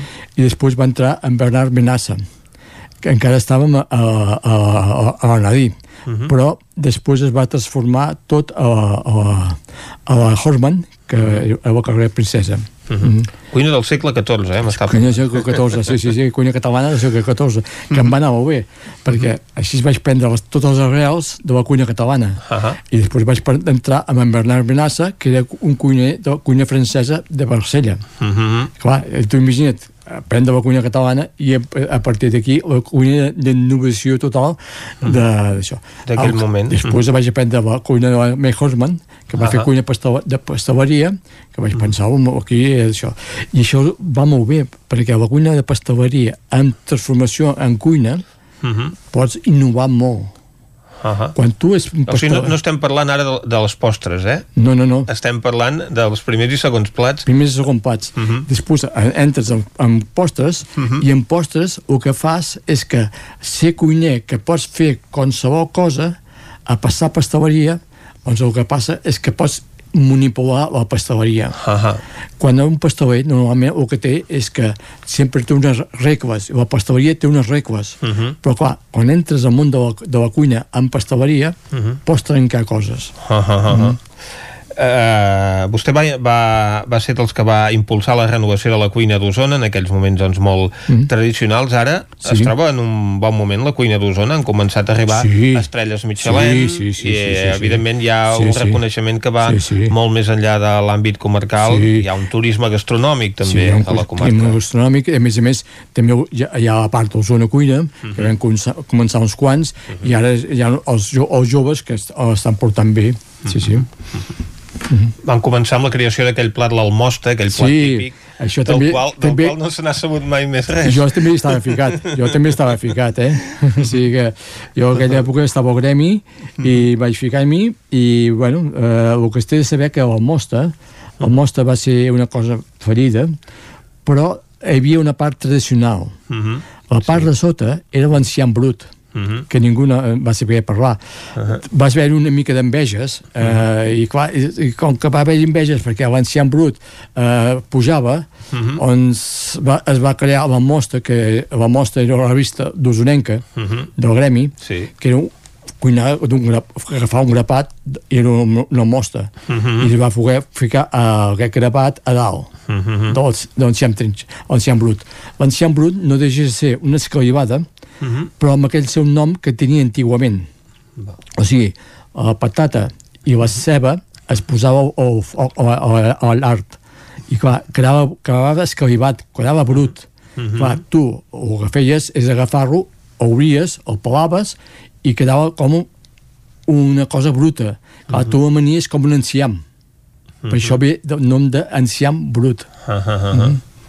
Uh, en Ferran Adrià, uh, sí? dèiem una entrevista que publicava el 9 aquest divendres, no s'ha de fer un restaurant perquè et diguin que bo que és el menjar, sinó per plantejar qüestions sobre la vida. I està d'acord? Sí, sí, sí, sí, sí, sí. Jo una de les meves il·lusions que vaig, eh, vaig intentar per això, passa que és una il·lusió, eh? O sigui, eh, jo crec que un restaurant no té, no té de tindre una carta. Uh -huh. Té de tindre un menú solament per seus clients, perquè el cuiner té que disfrutar. No, eh, la, la carta s'imposa a través del client. Uh -huh. Si tu crees un menú, solament un menú a la teva gust, Uh -huh. i dius, si vols vindre, hi ha aquest menú. Uh -huh. Un tipus menú de degustació, no, no un menú de tres plats i tres Sí, plats sí, això. sí, sí. Tu entres al meu restaurant, jo t'ofereixo el meu menú que t'he creat. Uh -huh. Això és cuina d'autor, cuina de totalment atrevida. El que passa que aquella època crear això era molt trencador, Mhm. molt trencador. Jo vaig conèixer tres o quatre restaurants eh, que ho feien això, ho feien i, i vaig i voler imposar-ho i em van dir no, no, no, no imposis això perquè aquella època eh, era molt trencador Mhm. era molt trencador i el que diu un Ferran Adrià és crear la vida a través d'un restaurant Mhm. i és això Uh -huh. Ara ho trobava a faltar, no està davant dels fogons? Uh, no, no. Davant dels fogons, no. Ara el que faig és disfrutar de la cuina. Mhm. O sigui, jo disfruto molt, estic amb una colla de, de, de, de ex, exalumnes meus que fem un sopar cada, un cop a l'any, ara no tant perquè No amb les condicions que d'això no podem però disfruto molt i a més a més eh, amb aquesta pandèmia el que faig molt és cuinar a casa meva i sobre, sobretot el que faig és cuinar pels demés o sigui, cuino i el regalo Ah, ah, ah. i això és disfrutar-lo Doncs continuï disfrutant eh, des de casa seva cuinant, cuinant pels demés i també cuidant, cuinant amb aquestes activitats Sí, sí, sí. solidàries Sí, que du a terme des Sí, sí. d'aquests eh, col·lectius doncs, com el Tupí Mhm. o aquestes vetllades solidàries que serveixen També l'any passat vaig començar a treballar amb un, amb un, amb un major social a la mina, que és el, Gre- el Gregal, el major social al Gre- que allà ara mateix estan fent 700 dinars cada dia. una barbaritat. Moltes gràcies, l'enhorabona de nou a Manel Moleres, ens acaba el temps, ara nosaltres farem una petita pausa, tornem tot seguit al Territori 17.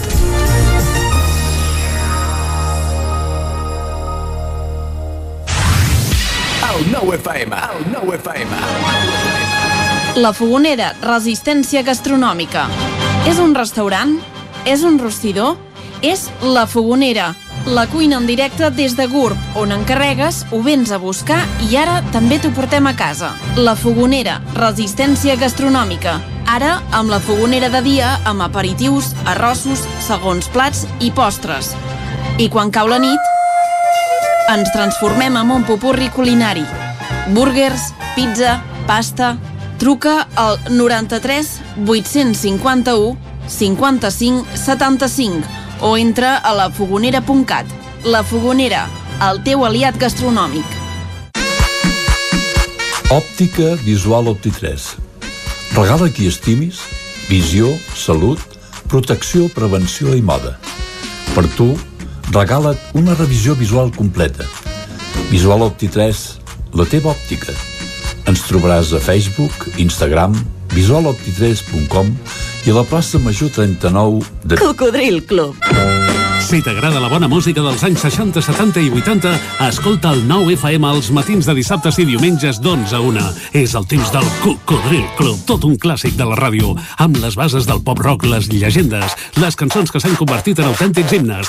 Recorda, dissabtes i diumenges al matí, d'11 a 1, al 9 FM 92.8. Cocodril Club, el programa revival de l'Albert Malla. Hasta luego, cocodrilo. Cobertes serveis funeraris. Els nostres tanatoris estan ubicats en els nuclis urbans més poblats de la comarca d'Osona per oferir un millor servei. Tanatori de Vic, Tanatori de Manlleu, Tanatori de Centelles i Tanatori de Roda de Ter. Sabem que són moments difícils i per això el nostre compromís és atendre-us en tot moment amb un tracte humà, sensible i respectuós. Cobertes serveis funeraris. Telèfon 24 hores 93 883 23 46. Per estar bé a casa, vine a Mobles Verdolet. Sofàs, sales d'estudi, dormitoris, menjadors i molt més. Mobles fets a mida. Mobles Verdolet. Ens trobareu al carrer Morgades 14 de Vic i al carrer Nou 44 de Torelló i també a moblesverdolet.com. Mobles Verdolet. Només pensar en passar aquesta nit sense calefacció amb aquest fred. No es preocupi, hem analitzat a fons la caldera i de seguida quedarà reparada i en funcionament. Quan tingui un problema amb la seva caldera, vagi directament a la solució. Truqui sempre al servei tècnic oficial de Saunier Duval i despreocupis, perquè som fabricants i coneixem les nostres calderes peça a peça. Informis a Oficiat Nord trucant al 938860040. Saunier Duval, sempre al seu costat. El nou FM, el nou FM, el nou FM, el nou FM. Són dos quarts d'onze i és hora de fer una ullada a Twitter que com sempre ens la porta l'Isaac Moreno. Isaac, què has Bon dia. trobat Alguna coseta. aquest cap de setmana? Cosetes diverses, discussions sobre llengua i gossos. Carai. Ja t'ho dic. Però per discrepar fem una piolada maradon maradoniana encara. Per discrepar? Sí. Xavi Bardolet es fixava amb el titular del periòdico que deia una futbolista gallega es nega a retre homenatge a Maradona i ell diu, doncs almenys per pensar-s'hi una mica sí senyora Uh, Pep Carol, des de Vic, diu Anella verda, perfecte per córrer una estona, fins que arriba el gos de 40 quilos corrent cap a mi. Li deixo anar a la cama i es queda un metre bordant amenaçador. Apareix l'altre animal, entre parèntesi, l'amo. I em diu, és que si corres s'espanta, estaca'l, pallús, li responen Carol. I a partir d'aquí genera un debat. L'Eric, l'Enric, perdó, eh, usuari ERAC02, que deu ser propietari de gos, diu, els que vivim al cantó del camí ja no podem ni sortir a passejar els gossos tranquils. Les putes rambles, sembla això. Carol, passeja el gos sempre que vulguis, però lligat. Et toquen els collons igualment, el portes lligat o lligat. Aviam si desconfien i la gent, desconfinen i la gent pot tornar a saturar el matagalls i s'aireix una mica. Xavi Font s'afegeix a la conversa. Tranquil, que no fa res. És, una, és un clàssic, aquesta, Sí, també. exacte. El- a L'amo habitualment eh, és, És- així. sí. Els que ja no coneix, vés a saber. Laura Vigues diu, llepa i em fa fàstic, li, va dir, li vaig dir a un amo de gos. uh, jo, un altre usuari, la Mary Soprano, diu jo em vaig trobar un també al mateix lloc l'altre dia, es posava davant les bicis i saltava sobre la gent. L'amo deia que no el volia lligat i que la gent tenia masses manies. No el puc tenir tot el dia a casa, però lliga l'idiota. I a més, el tio sense mascareta. Veus? Bé, doncs si no el pots tenir tot el dia a casa és per plantejar-s'ho. I ho, i ho remata en Bernat Planes diu, encara com no et deia no et fa res un clàssic, sí que fa, molesta els que acaben mossegant o esgarrapant també han dit abans que no feien res més qüestions. Anna R, alcaldessa de Vic, em presento per formar part de la llista de Junts per Catalunya a la circunscripció de Barcelona el 14 de febrer. Com a alcaldessa de Vic, amb coneixement i implicació de la realitat d'Osona i de la Catalunya central, ens cal continuar treballant des de la proximitat pel progrés, pel progrés en un estat propi. Un altre alcalde, el de Gurb, Josep Casasses. Malgrat les circumstàncies, avui a Sant Andreu, festa major de Gurb, no deixem de celebrar les nostres festes ni els nostres costums. Bona festa major. Doncs prenem nota d'aquesta efemèride que lamentablement ha obligat a suspendre les activitats festives que hi havia programades en pobles com eh, Gurb o Tona que celebren Sant Andreu. Anna Pont, arquitecte, diu un grup de sis al bar. La propietària els diu que no poden seure a la mateixa taula. No ho entenen i tornen a insistir que quasi som família. No cedeix. Fan morros. Jo em prenc el cafè amb llet i observo com si fos una escena d'aquells pel·lis que no acaben bé. Això, el tuit és de fa una hora. No sabem si hem de posar el focus en algun bar de Vic ara mateix. Doncs eh, podria ser, tot i que efectivament hi ha molts propietaris també d'establiments que es queixen de la dificultat de fer complir aquestes normes als seus clients. I abans llegíem una, un debat iniciat per Pep Carol sobre els gossos i l'anella verda i ara en, en llegim un on també s'hi ha afegit que l'inicia Josep Lluís Garcia sobre l'ús del català a les classes universitàries. Josep Lluís Garcia, professor... Sí, Josep Lluís Garcia, professor de l'UBIC, faig les classes sempre en català, però donat que tinc molts alumnes de l'Efrancs, utilitzo espanyol i francès quan convé. La prioritat és que aprenguin els conceptes de l'estadística. Carol, importa que ens entenguem, entre cometes, i així moren les llengües.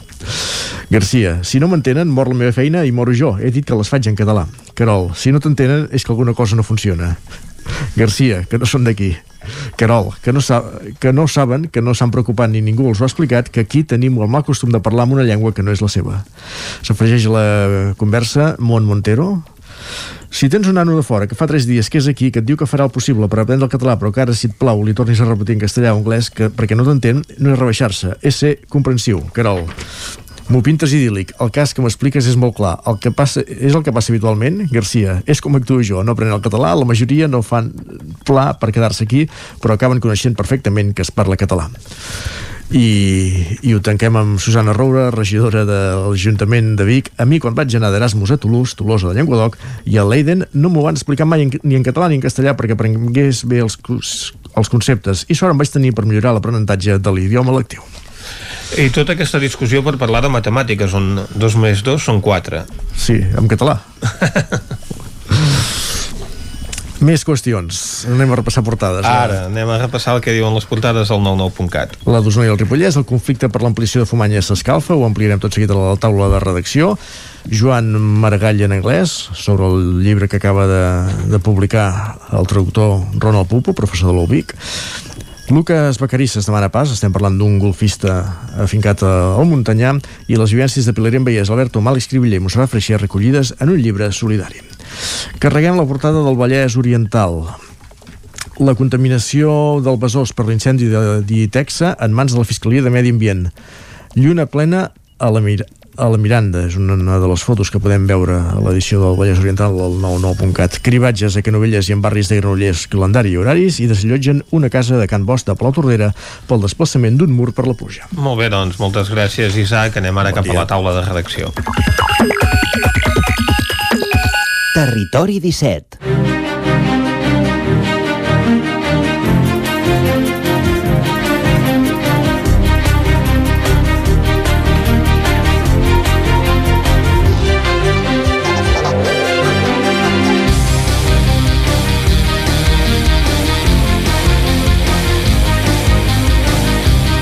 Avui ens acompanyen a la taula de redacció en Guillem Freixa i la Txell Vilamala.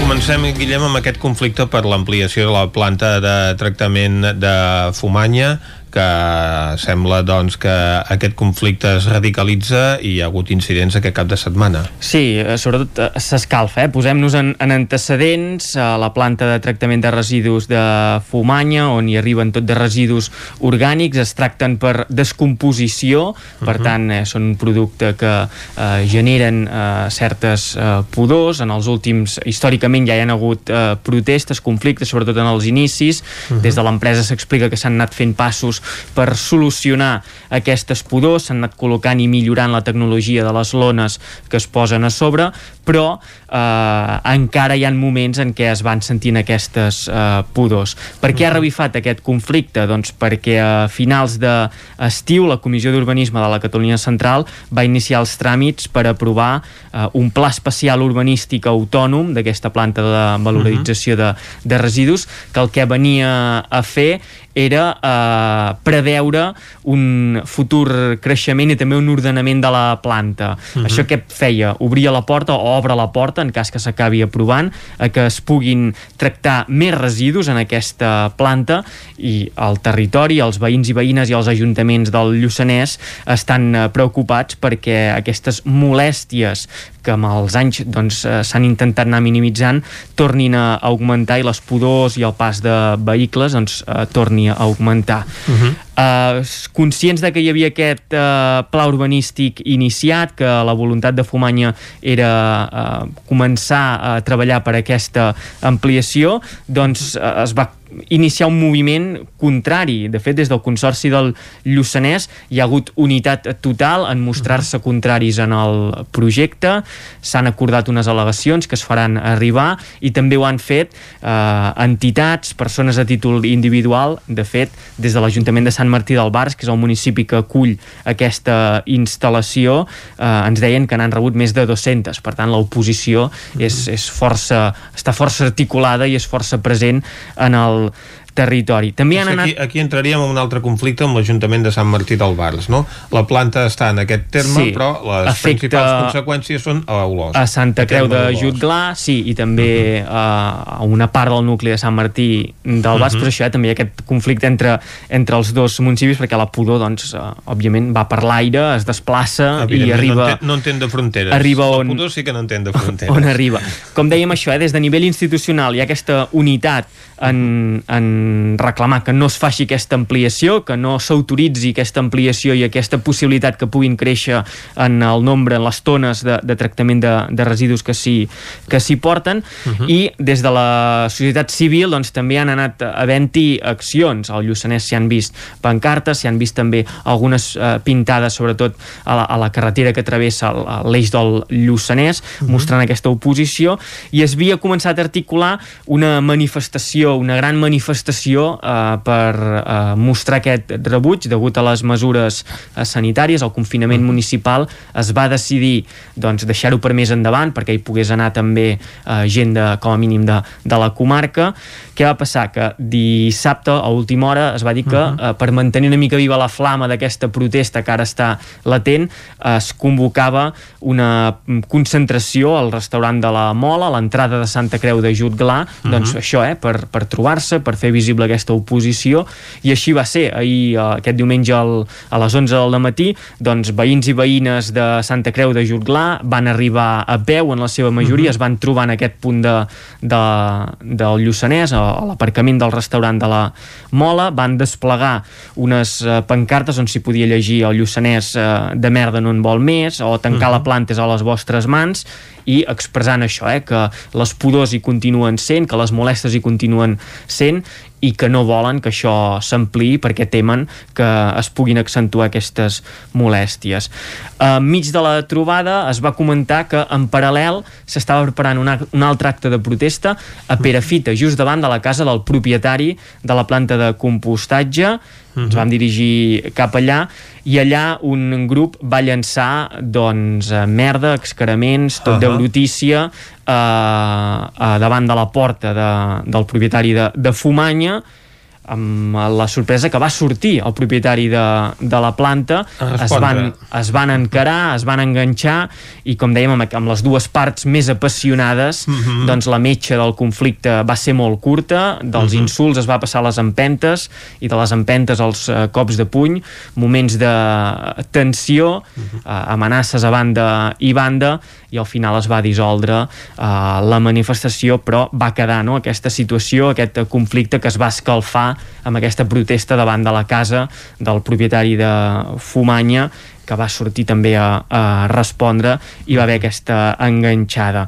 Ara, la situació quina és? Doncs la situació és que s'ha tancat aquest període de delegacions i qui haurà d'acabar decidint si aquesta ampliació, una ampliació que hem de dir que es faria dins l'actual perímetre de, de Fumanya, per tant no seria créixer en extensió, sinó reaprofitar una zona interior de, de Fumanya, aquesta ampliació l'haurà de decidir la Comissió d'Urbanisme de la Catalunya eh, Central. Remarquen des de l'empresa que aquest pla urbanístic vindria a ser com un, un POUM, un Pla d'Ordenació Urbanística Municipal, en què es preveu què es podrà fer en una determinada zona a anys vista i que no vol dir que hagin de créixer immediatament, sinó que es fa una previsió i es regula, s'ordena tot el que hi ha dintre la, a la planta.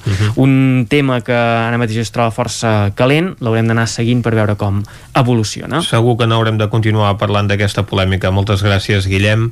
Ara nosaltres anem a parlar parlar amb la Txell Vilamala perquè el Departament de Salut ha anunciat que es faran més cribratges a la comarca d'Osona, en concret a Vic, Manlleu, Torelló i Roda en els propers dies. Txell, bon dia. Hola, bon dia, Vicenç. Doncs, Doncs sí, aquesta nova... Mhm. estrate... Aquesta no... endavant, endavant. Vicenç? Sí, sí, endavant. Va. Es tracta d'una nova estratègia que està portant a terme el Departament de Salut, que no és només aquí a la comarca d'Osona, sinó a diverses comarques de Catalunya. De fet, avui dilluns han començat aquesta mena de cribatges massius a municipis com Figueres, Sant Feliu de Llobregat, Vilafranca del Penedès, a molts i molts repartits arreu del territori, amb l'objectiu de continuar detectant positius asimptomàtics de la Covid-19, ara que s'ha superat aquesta segona, el pic de contagis de la segona onada de la pandèmia i es comencen a flexibilitzar les mesures. Uh, des de Salut ens confirmaven el divendres a la tarda que aquesta primera setmana de desembre uh, hi haurà com a mínim cribatges a Vic i Manlleu. Uh, en el cas de Manlleu sí que està clar que seran dijous i divendres, en el cas de Vic s'ha d'acabar de concretar, però sembla que podrien començar demà dimarts, i tant en un cas com a l'altre, el que s'estudia, el més probable, és que s'acabin fent en àrees sanitàries habilitades expressament per això a tocar dels centres d'atenció primària. Aquests cribatges, a diferència dels que es van fer a finals d'estiu i principis de tardor, també a Vic, a Manlleu o a Sant Joan de les Abadesses, es faran amb test d'antígens. Això vol dir que ti- el resultat es tindrà al cap d'un quart d'hora o 20 minuts i per tant no s'haurà d'esperar les 48 hores que eren més o menys preceptives amb les proves PCR. Això el que permet és que la gent sàpiga el resultat molt abans i per tant que es puguin tallar també abans hipotètiques cadenes de transmissió del, del coronavirus. Eh, estem pendents això de veure com s'acaba de confirmar. Sabem que es vol intervenir en els tres municipis més grans de la comarca, que com diem són Vic, Manlleu i també Torelló al llarg del mes de desembre, i que també es portarà a terme un cribatge massiu a Roda de Ter, perquè en aquesta àrea bàsica la setmana passada hi van augmentar molt els casos positius de coronavirus. Això s'explica també en part eh, perquè hi ha brots declarats del, de Covid-19 tant a la residència de l'Esquirol com a la residència de Can Toni Gros i això, evidentment, en municipis que són relativament petits, de seguida fa que també es disparin les, les dades. Uh -huh, evidentment. Uh, el Departament de Salut i els responsables doncs, sanitaris de Vic i de la comarca van fer una compareixença dijous al matí, no es va parlar en cap moment de cribratges i en canvi l'any demà doncs, s'anuncia que es prendrà aquesta mesura preventiva, no? Uh, oficialment uh, no s'ha anunciat, eh? Uh, de moment no, no hi ha cap comunicació oficial. Sí que és veritat que l'Ajuntament de Manlleu el divendres a la tarda va fer una piulada on informava sobre els cribatges en aquesta ciutat, que seran el dijous i el divendres, però per part de l'Ajuntament de Vic o el Departament de Salut de moment no s'ha parlat oficialment uh, d'aquests dispositius. Sí que des de Salut, després que el 9-9 fes la consulta, uh, divendres a la tarda es confirmava que serà així, tot i que estem pendent això de les dades oficials per saber exactament els llocs, les hores, els ciutadans de partir de quina edat hi podran participar, si hi haurà algun tipus de restricció per barris, uh, tots els detalls més concrets. Uh -huh. D'acord, doncs moltes gràcies, eh, Txell. Gràcies a tu, bon dia. Adeu, bon dia. Tanquem aquí aquesta taula de redacció avui amb la Txell Vilamala i en Guillem Freixa. Territori 17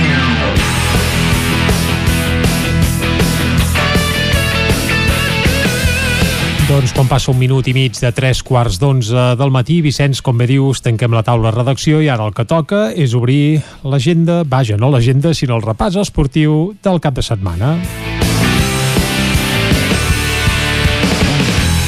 I com sempre, aquest repàs el fem per territoris i per on arrenquem, Vicenç? Arrenquem per Ràdio Cardedeu, on ens espera l'Òscar Muñoz. Bon dia, Òscar. Bon dia, Vicenç. Com ha anat el cap de setmana?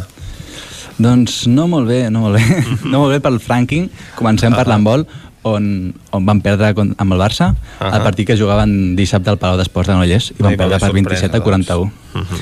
Doncs sí, el Barça va ser superior en tot moment, molt, molt fort en atac com en defensa, i tot i que els granollerins van competir bé fins la meitat de la segona part, eh, no van poder fer res.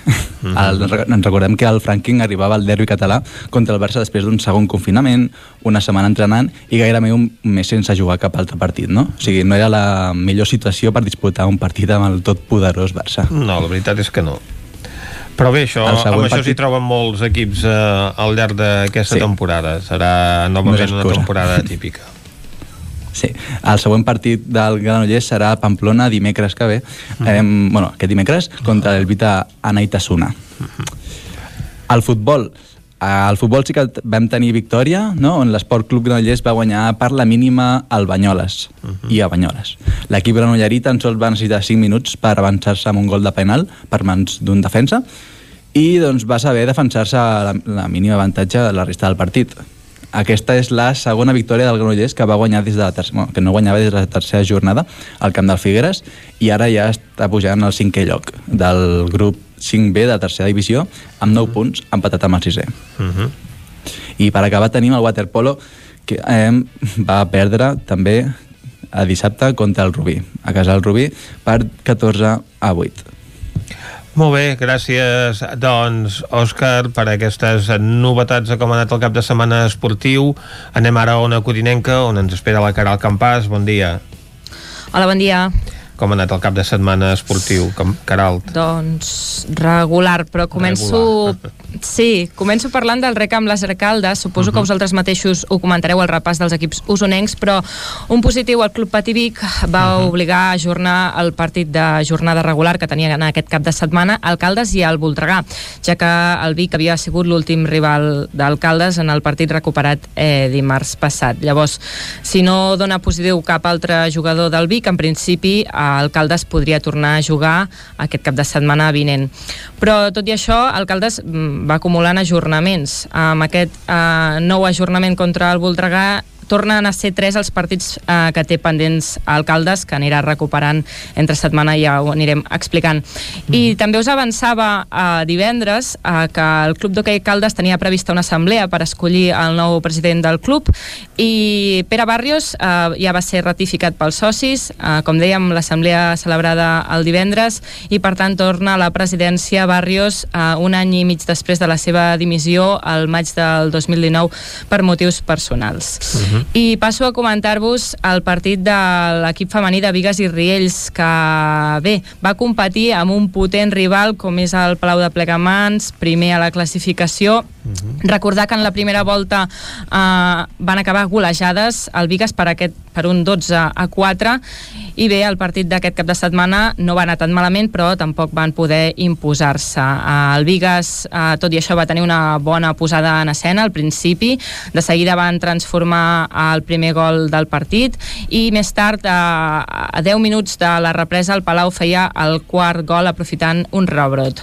Un rebot, perdó. Lluny de baixar els braços, van seguir lluitant amb bons contraatacs i van passar d'aquest 1 a 4 al 3-4. Peralta va posar a la pista 5 jugadores per buscar l'empat, però la portera del Palau, Laura Vicen- Vicente, va sostenir el seu equip i va fer volar els punts cap al Palau. El partit eh, va tancar amb aquest 3 a 4 amb, amb el Palau de Plegamans imposant-se. I uh, acabo uh, comentant el partit del Sant Feliu de Codines que jugava contra l'Espanyol, un partit que va acabar amb empat a 4 uh, Figueres va posar al davant els codinencs al minut 3 uh, al minut 13 de la segona part uh, els locals feien l'empat a 2 i el partit arribava igualat als minuts finals. A 5 minuts del final Saladriga es posava al davant el Sant Feliu i Villa semblava sentenciar el partit, però l'Espanyol no es va rendir i a l'últim minut va fer dos gols per posar l'empat final a 4. Molt bé, doncs moltes gràcies, eh, Caral. A vosaltres. Anem a la veu de Sant Joan amb l'Isaac Muntades. Bon dia, Isaac. Bon dia, Vicenç. Com bon tenim l'activitat esportiva al Ripollès? Pendents de si Uh, neva o no neva? Bé, de nevar ha nevat, però el que no sabem és si obriran o no obriran les estacions d'esquí. Sí, exacte. Ens van comentar que teòricament, ja, ja ho vam comentar en aquella entrevista en el cas de, de Vall de Núria, que la intenció era obrir pel pont de, de, de la Puríssima, el pròxim pont de, de la setmana que ve. Veurem si finalment acaben obrint o no. També eh, va nevar a Vallter. Uh, tot dependrà una mica de, de si els hi surt a compte de les restriccions que hi hagi uh, una mica tot plegat no? per tant, uh, clar, evidentment hi haurà, uh, pel pont encara no s'haurà aixecat el confinament municipal.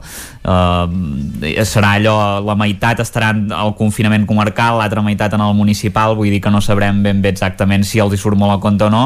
Uh, suposem que cap a finals de desembre sí que ja mm, podran obrir més garanties però, però bé, allà, recordeu que allà ens van dir que la intenció era obrir per la Puríssima mm -hmm. i, i que depenia una mica de tot de, de com anava i, i a banda d'això, d'activitat esportiva doncs, eh, com sempre no, no us en podem oferir, però ja que estem posats en el Ripollès, doncs us parlaré una mica de, dels ripollesos que tenim escampats pel món, de, de dos en concret l'altre dia us parlava de l'Àlex uh, Corredera i també us, us vull destacar perquè va marcar ell el primer gol de, del partit que els va enfrontar amb el Talavera, ell és jugador del Badajoz, recordem-ho, i van guanyar per 0 a 3, i, a 0 a 3 i va fer un altre gol, que és el tercer de la, de la temporada per al jugador Sant Joaní, per tant està amb un molt bon moment de forma i a més a més el seu equip és líder amb 16 punts, està imparable el Badajoz i li treu 5 punts al segon vull dir que segurament doncs, el Sant Joaní eh, més a prop doncs, cada cop de, queda molt encara però més a prop de la segona divisió i esperem que el Badajoz que s'ho està mereixent aquests últims anys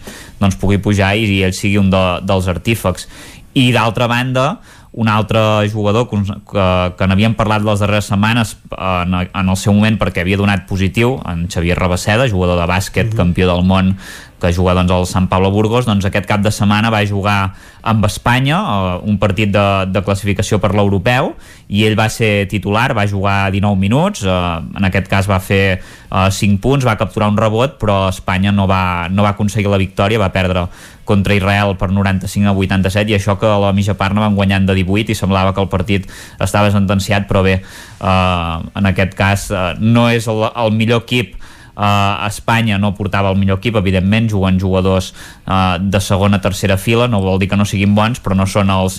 Ara, ara no us imagineu jugadors com Marc Gasol a l'equip, no, no hi eren, vull dir, són jugadors més de, de la Lliga Endesa, sense cap NBA, i per tant, doncs, uh, uh, tots els equips els hi passa, però Espanya, doncs, es veu molt marmada, no? Per tant, uh, en aquest cas van perdre i, i esperem, doncs, que el pròxim partit puguin guanyar i en Xavier Rabaseda pugui estar uh, a un bon nivell.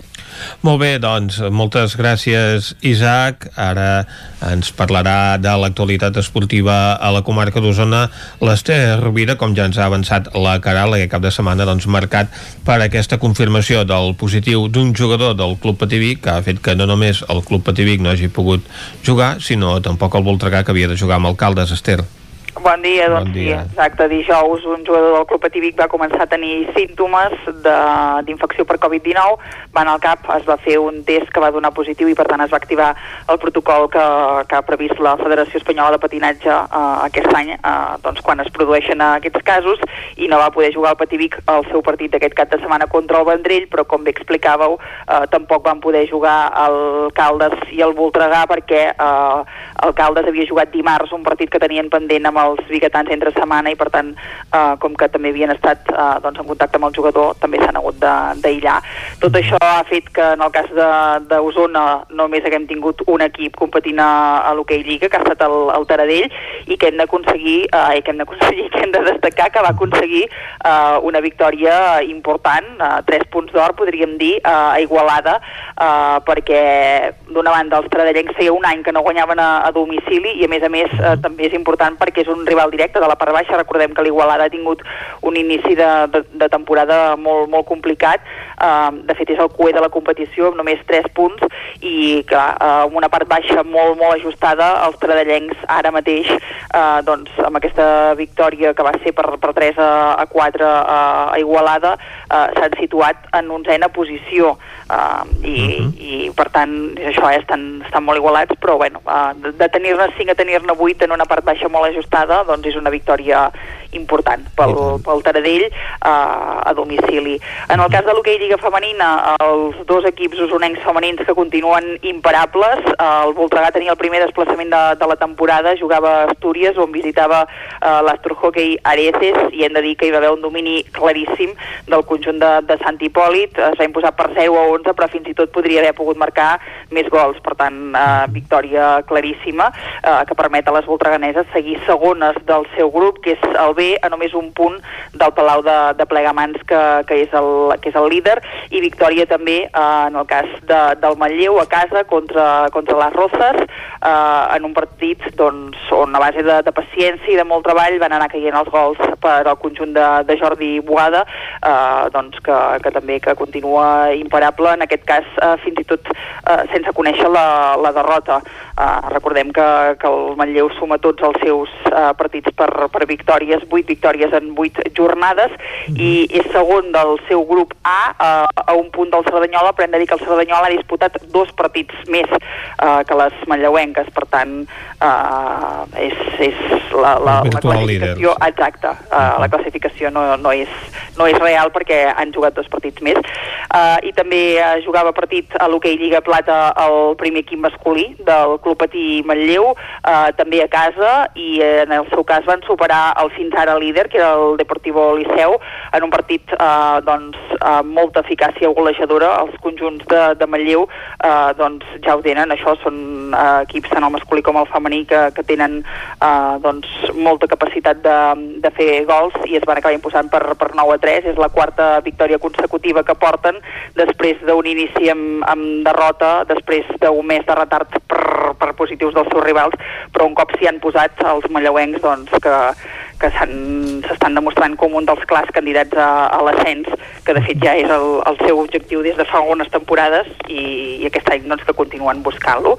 Uh, deixem uh, l'hoquei. En el cas de, del bàsquet, uh, dir també que el Club Bàsquet Vic Universitat de Vic es va imposar també dissabte a casa, en el seu cas contra el Baricentro Barberà per 78 a 72, uh, victòria amb, amb patiment en un partit marcat per un joc dur, uh, però bé, els biguetans que, que van poder sumar una, una nova victòria després de la derrota de la setmana passada a la pista del, del uh, Martinenc i per tant mantenir bones sensacions i també mantenir-se com a líders de, del seu grup, que, que la cosa també també és, és important. Uh -huh. uh, I acabem, si, si us sembla, uh, destacant també uh, la victòria del Vic Riu Primer Refo a la nacional femenina en el desplaçament que tenien aquest cap de setmana visitant el, el Huesca a Villanueva de Gallego. Uh, les biguetanes que es van imposar per 2 uh, a 3 uh, és ja la tercera victòria de, de la temporada uh, en aquesta categoria, la nacional femenina i davant un equip molt fort com a locals com és el Huesca, per tant victòria també de, de mèrit que permet a les biguetanes uh, ser sisenes a la classificació amb 11 punts a 7 del líder que és el Son Sardina. Uh, per tant en, això en línies generals molt bon cap de setmana pels conjunts usonencs que, que han pogut competir. Exacte, doncs un bon cap de setmana pels equips d'Osona que han pogut competir perquè les circumstàncies són les que són. Moltes gràcies, Estel. Que vagi bé. Ara nosaltres tanquem aquí aquest bloc esportiu i recuperem l'actualitat general. Doncs com molt bé dins, vi, dius, Vicenç, quan són les 11 i gairebé mig minut del matí, tornem a repassar l'actualitat de les nostres comarques, les comarques del Ripollès, Osona, el Moianès i el Vallès Oriental. Territori 17, amb Vicenç Vigues i Jordi Sunyer.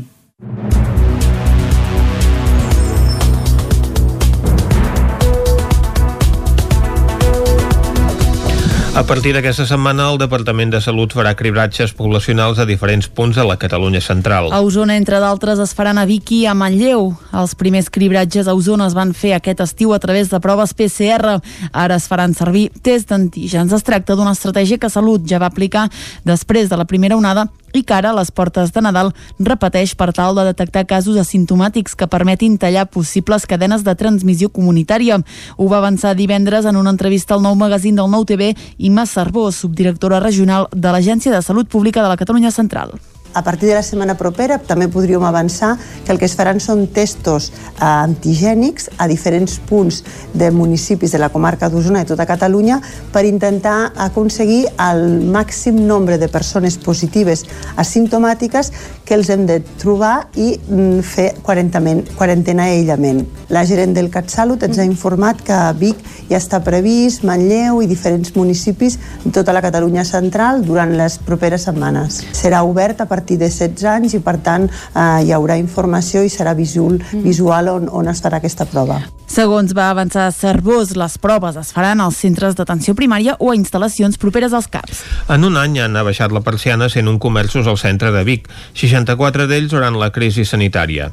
Malgrat la pandèmia, també se n'han obert 72, el que suposa un balanç de 29 comerços menys. Vic Comerç fa balanç del nombre de comerços que han obert i tancat des de l'octubre de l'any passat al centre de la ciutat, on actualment hi ha 890 establiments comercials. Se n'han tancat 101, 64 durant la pandèmia i n'han obert 72, 44 des de l'inici de la crisi sanitària. El balanç és de 29 comerços menys, tot i que des de Vic Comerç esperaven xifres pitjors. Roger Noguer és el gerent de l'entitat. Sí que és veritat que aquest any doncs, hem, hem estat amb la situació de, de la pandèmia, un període que ens pensàvem que alteraria substancialment les dades i hem vist que, bé, que les dades de, que, que hem tret doncs, demostren que no hi ha hagut una acceleració de tancaments degut a la pandèmia, sí que hi ha hagut una constant en davallada entre l'octubre del 2019 i el febrer del 2020, els sectors més afectats en pèrdua d'establiments eren els dels subsectors quotidià alimentari i quotidià no alimentari. En canvi, a partir del primer confinament, qui més ha patit les conseqüències són els subsectors de l'equipament de la persona, l'hostaleria i els serveis, que sumen 25 de les 29 baixes que es produeixen. Roger Noguer. Bé, normalment cada any els sectors que tenen més volatilitat són els sectors de l'equipament de la persona i els serveis. Eh? Són els sectors on s'obren més botigues i se'n tanquen més també al mateix temps. Eh? Aquest any, però, clar, s'ha incorporat l'hostaleria, que s'ha vist bastant afectada per aquesta pandèmia. Els carrers on hi ha hagut més tancaments de botigues són el carrer Nou i el carrer de Gurb, amb 17 i 15 respectivament. El segueix la plaça Major i la Rambla de l'Hospital, amb 12. Després de 33 anys actiu, el gimnàs de la Bigatana Roser Puig tancarà el proper 18 de desembre, una decisió precipitada per la pandèmia. El gimnàs va viure la seva època daurada a principis dels anys 90, on se celebraven maratons d'aeròbic. El gimnàs de la Bigatana Roser Puig abaixarà la persiana el pròxim 18 de desembre després de 33 anys en què ha marcat una època a Vic. El context de pandèmia ha precipitat la decisió de tancar l'icònic gimnàs en els últims 5 anys instal·lat dins del Seminari de Vic. I jo la meva opció era no, no plegar, vull dir, jo volia treballar dos o tres anys més, o quatre. Jo em trobo molt bé, m'agrada molt la meva feina i, bueno, no donava un, un, una data final. Però degut a tot aquest panorama que tenim, eh, en el primer tancament dels negocis ja em van fer dubtar, però vaig eh, optar per, per seguir, però aquest segon tan tancament sí que ha arribat al punt que he dit, bueno, ara, ara ja no es pot, és, és que és insostenible, no es pot. El gimnàs va ser tot un èxit a principis dels anys 90. Puig va aprofitar el boom de l'aeròbic i va organitzar unes maratons de l'especialitat on van arribar a participar-hi unes 500 persones. Aquí a Vic, bueno, tot el que van ser les maratons aeròbic que vam fer, eh, clar, ningú més eh, això ho feia. Jo venia, doncs, anava molt a fora a veure coses que es feien, activitats, i participar en moltes activitats d'aquest tipus, eh, cap a Barcelona, he estat al Fines Brasil, he estat a Fines Nova York, i anar buscant doncs, coses diferents perquè sempre he tingut inquietuds i m'ha agradat doncs, bueno, si podia doncs, aportar alguna cosa a la ciutat de Vic, doncs millor que millor. A Puig no li ha resultat fàcil prendre la decisió de tancar tenint una clientela fidel. La intenció era plegar a finals de novembre, però ho ha volgut allargar al desembre per poder-se acomiadar personalment dels seus clients. Les entitats independentistes de Caldes de Montbui creen un mural a favor dels represaliats polítics a la plaça 1 d'octubre. El mural és resultat d'un seguit de polèmiques que han culminat amb una denúncia policial. Caral Campàs, des d'Ona Codinenca. Al febrer de 2019, el grup d'entitats per la independència va sol·licitar a l'Ajuntament de Caldes per, per, pintar un mural a la plaça 1 d'octubre del municipi des del qual es reclamés justícia pels represaliats polítics del procés. El que havia de ser un tràmit senzill es va convertir en l'inici d'una cursa d'obstacles que culminava el 14 de novembre passat quan, quan finalment es va pintar l'obra. Pel camí, polèmiques amb l'Església i l'Ajuntament, recerques en arxius per determinar la propietat del mur i una denúncia policial perquè el mural es va acabar realitzant sense l'autorització autorització formal del consistori. L'alcalde Isidre Pineda va explicar en l'últim ple municipal que en qualsevol cas l'Ajuntament vol eixamplar la plaça en un futur proper i que per tant el mur està destinat a anar a terra en un futur indeterminat. Membres d'aquests col·lectius eren sis persones que representaven... El primer obstacle que va tenir el projecte va ser l'oposició de l'Església que no volia que el mural permanent en aquella paret. Davant d'això, membres del col·lectiu impulsor van iniciar una recerca històrica que va concloure que la paret externa del mur pertanyia a l'antic edifici del sindicat, que va passar a mans municipals el 1993. Amb aquesta informació, sense estar 100% confirmada, representants de les entitats es van reunir amb l'alcalde per demanar el permís, però no el van obtenir. Tot i això, van decidir tirar pel dret i pintar el mural. Pel que fa a la denúncia, la va emetre la policia a instàncies d'un veí i es va fer a nom de PPB Unza, portaveu del grup. Sant Joan disposarà d'un espai de dol perinatal al cementiri municipal per recordar els nadons morts. Isaac Muntades, des de la veu de Sant Joan. El cementiri de Sant Joan de les Abadeses tindrà un espai de dol perinatal després que en el darrer ple s'aprovés per unanimitat una moció d'Esquerra Republicana de Catalunya per ubicar-lo en aquest espai. La regidora republicana Lluïsa Pérez va ser l'encarregada de defensar els acords de la proposta. Creiem que disposar d'un espai de dol al cementiri municipal ens ha de permetre visualitzar un dol tan dolorós com és la pèrdua d'un nadó, ja sigui de forma prematura, durant l'embràs o a vegades al part. També considerem que el dol provocat per aquesta pèrdua molt sovint queda molt invisibilitzat per la nostra societat societat i només la pateixen les persones que han, que han perdut aquesta pèrdua. Els republicans van detallar que en els darrers anys diversos ajuntaments d'arreu de Catalunya han adaptat els seus cementiris municipals amb nous espais de dol per recordar els nadons morts durant la gestació o bé de forma prematura, com per exemple el de Vic, Torelló, Cervera, Calaf o recentment el de Ripoll. Així doncs, Esquerra va demanar que en aquest espai s'hi planti una olivera com a símbol de pau, on s'hi permetin penjar i dipositar objectes de record i s'hi col·loqui una placa que recordi que la mort no comença quan es neix i no acaba amb la mort. Els republicans també van sol·licitar sol·licitar que es doti l'espai d'una denominació adequada a fi de donar-li un caire sensible que requereix i mereix un espai com el proposat. L'alcalde Ramon Roqués va comprometre a formalitzar tot allò que deia la moció. L'Ajuntament de Llinars del Vallès crea el Reconeixement Jove 2020, un reconeixement per donar impuls a l'energia dels joves a voler créixer en qualsevol àmbit. David Auladell, de Ràdio Televisió, Cardedeu. Els guanyadors i guanyadores es decidiran entre un petit jurat format pel teixit associatiu de Llinars i membres del consistori i una consulta popular oberta a la població. L'objectiu del reconeixement és donar visibilitat i donar valor a joves llinassencs que destaquin en qualsevol àmbit. La convocatòria per presentar-se als premis està dirigida a joves d'entre 12 i 30 anys. La regidoria de joventut ha publicat les bases a la web de l'Ajuntament per conèixer els requisits, la forma de presentar-se i com fer l'explicació dels mèrits en l'àmbit concret. Cal tenir en compte que a qualsevol moment el jurat pot deixar desert algun dels premis. Els guanyadors amb la puntuació més alta rebran el reconeixement Jove 2020, que es tracta d'un val de compra a les botigues associades a la Unió de Botiguers de Llinars, valorat en 150 euros. El 23 de desembre és el dia en què l'Ajuntament lliurarà el premi als guanyadors en un acte que organitzen, si és possible, de manera presencial. I fins aquí el butlletí informatiu de les 11 del matí que us hem ofert amb les veus de Vicenç Vigues, Clàudia Dinarès, David Auladell, Caral Campàs i Isaac Muntades. Ara farem una molt breu pausa de res, mig minutet, i de seguida saludarem l'Arnau Jaumira, que com fa cada dilluns ens acostarà alguna novetat discogràfica d'àmbit nacional. Amb què ens sorprendrà avui? Ho descobrirem de seguida, d'aquí mig minutet. Vinga, anem-hi. Territori 17. Envia'ns les teves notes de veu per WhatsApp al 646 079 023. 646 079 023. WhatsApp Territori 17.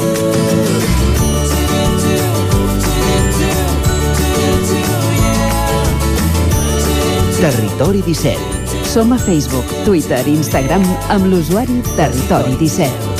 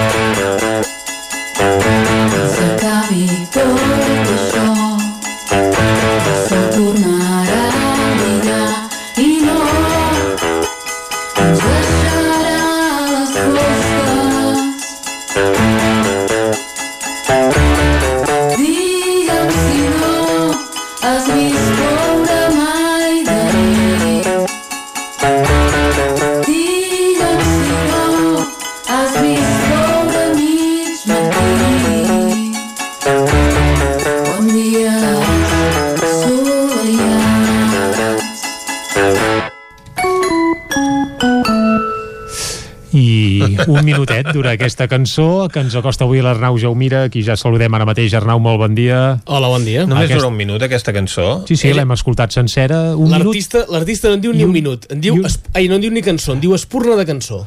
Ah, això és una espurna de cançó. Jo pensava que els Creedence s'havien passat al català. No, però veig que no. no, no, i la veu és ballesana, jo l'he reconegut Correcte, de seguida. la veu és. I a més, ara que, ve, que venen festes, uh, bé, ara l'acudit és dolent, però diguem que el cognom fa molt, eh? és la Ivet, Ja Nad- està- ja és la Ivet. Nadal, eh? Que sí, mateix Arnau? és, sí, sí, és la Ivet Nadal que acaba de treure en nom de la ferida i aquesta cançó doncs, és, un, és una de les que, que figura en aquest disc i a més han fet servir més d'una ocasió amb l'altre protagonista del disc per, eh, per, per, per iniciar els seus concerts. Dic l'altre protagonista del disc, deixant-lo enigmàtic perquè eh, amb aquests sorollets que se sentien de fons, aquesta cançó encara no, no gaire, Home, Déu-n'hi-do, però, eh? Aquests però sí, eh, xilofons i pianets sí, eh, de ja, joguina ja són ens identificables, remeten, no? sí, jo crec que sí, eh? Pascal Comelade és amb qui fan aquest, aquest duo, han fet aquest, aquest disc en nom de la, de la ferida, cinquè disc de la grallona- grallonarina Granollerina. eh, Granollerina i Ben Nadal que doncs, acaba de, va, va sortir el passat eh, 20 de, de novembre i com dèiem el fa doncs, eh, amb un duo amb, amb Pascal Comelade aquesta, de fet aquesta versió això d'aquesta versió del, de Creedence eh, eh, que es diu Has vist la pluja en català eh, doncs eh, l'havia fet ja inicialment per, un, per la Marató de TV3 per, uh -huh. per un disc del 2008 i ara doncs, l'han tornat a versionar però en aquest cas eh, bastant més eh, rockera i bastant més eh, distorsionada no? amb, amb un arranjament eh, diferent eh, passat pels sedars de, de Pascal Comelade no? eh, escoltarem més cançons d'un disc que barreja el que seria la poesia i, el, uh -huh. i la música eh? i Ben Nadal sempre ha entès les dues coses com un, com un, un fet indissoluble perquè sense una cosa no existiria l'altra segons ella i per tant en els seus concerts sempre és molt molt molt habitual escoltar-la recitar poesia no? ella també té, eh, com deia és el seu cinquè disc però també té tres poemaris. Per tant és una, una, dues, eh, dues arts que ha cultivat eh, durant doncs, ja els 12-13 anys que porta de, de carrera no, potser una mica més. Gairebé 15 anys que deu portar de, de carrera i ben, i ben Nadal Uh, si us sembla escoltem una d'aquestes uh, aquests poemes recitats que evidentment doncs, en aquest cas ho fan amb un rerefons musical que li posa Pascal Comelade.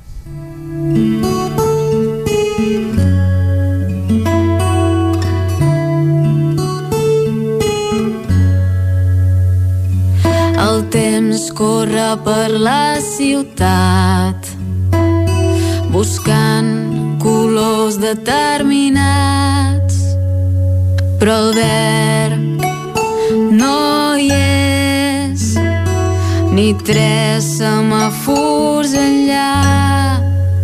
Farem un foc cremarem records menys les cadires. Començarem de nou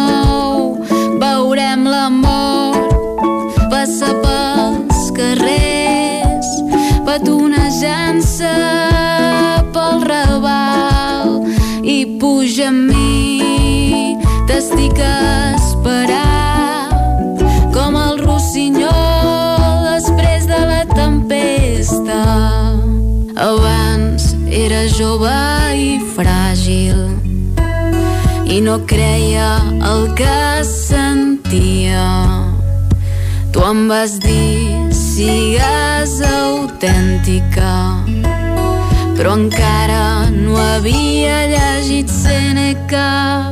L'amor que tinc no és intangible és un embriac és pura companyia. Les meves cançons sempre han parlat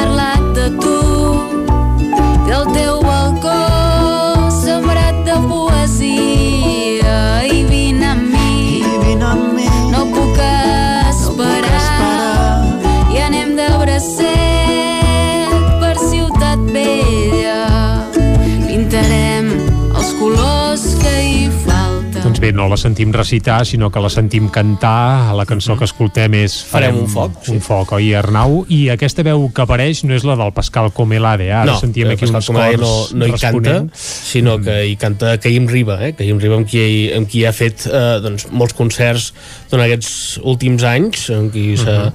s'ha acompanyat i doncs, han fet ja eh, doncs, uns, uns quants concerts junts i en aquest cas doncs, eh, col·labora també en aquesta, en aquesta cançó farem un, farem un foc. És un, un disc que també ell ha anunciat que tanca una etapa. Eh? Eh, hem de veure fins a quin punt serà això un final de, de, del, de l'event del que coneixem, perquè ell diu que no sap ben bé cap on vol anar, però, però que ja porta des dels 17 anys dedicant-se a això, ara en té 32 i que això segurament l'ha anat desgastant no? que sempre ho ha portat tot molt ella sempre ha volgut eh, doncs, eh, portar tots els processos de, del disc, ella qui, uh -huh. qui contesta els mails, ella qui, envia, qui, fa, qui se'n va a correus a enviar els discos, per tant, eh, tot això és un desgast d'anys. També és una, una persona, Ivet Nadal, que no, no ha sigut mai gran amant de les discogràfiques, va tenir una petita aventura amb una discogràfica i la cosa es va acabar aviat perquè ella sentia com un producte i ella això no ho volia, ella creia, ella creia que allò era, el que cantava era, era veritat eh, i no era un entreteniment ni el que intentaven vendre les discogràfiques que era un, doncs això, un producte no? i se'n va, se'n va cansar ràpid i va decidir que, que seguiria anant, anant per lliure que ella, com diu ella, aniria pel marge, no? caminant pel marge, i això evidentment doncs, ha fet que, que, que, que, bueno, que necessiti segurament també més el suport de, de la venda de discos, no? perquè Bé, eh, ella diu que, que del que reben de Spotify del que reben de YouTube ara mateix és una... Engrunes. És, és una engrunes mm -hmm. totalment i que si la gent no, no compra els discs, no, doncs ells... Eh, ella ja diu que tampoc, tampoc van a guanyar-hi la, la vida aquí ni molt menys, perquè és molt complicat avui en dia, perquè creu que els discos ja estan al final de trajectòria, però eh, bé, qui vulgui comprar-lo, ja des d'aquí fem també la, la, la falca, no?, de que pot entrar a ivetnadal.com, Ivet en dues T's, eh, i a mm final, eh, Ivet, ivetnadal.com va comprar aquest, El aquest disc disc en nom de la, físic, eh? de la Ferida. Sí, és una edició, molt, una, edició molt, una edició molt limitada, per tant, no sé fins a quin punt en té, en té per anar tirant, eh, també amb, una, amb un disseny que li ha fet el dissenyador de roba Josep Abril, que és el, el creador de la portada, i unes samarretes que han fet en, eh, en conjunt. Ara sí que vam escoltar un d'aquests poemes que, que hi ha en aquest, en aquest disc, eh, en aquest cas el que es diu Dadà, que és el nom del, del seu fill. Jo mateixa m'havia enderrocat els fonaments, el pensament i el llenguatge. Vivia en un etern crit, ple de solitud i fragmentació. Llavors, amb tan poc sentit, em vaig sentir empesa per unes noves regles contra la puresa i la bellesa que ens condemna. Em sent, em canviares, espina per rosa.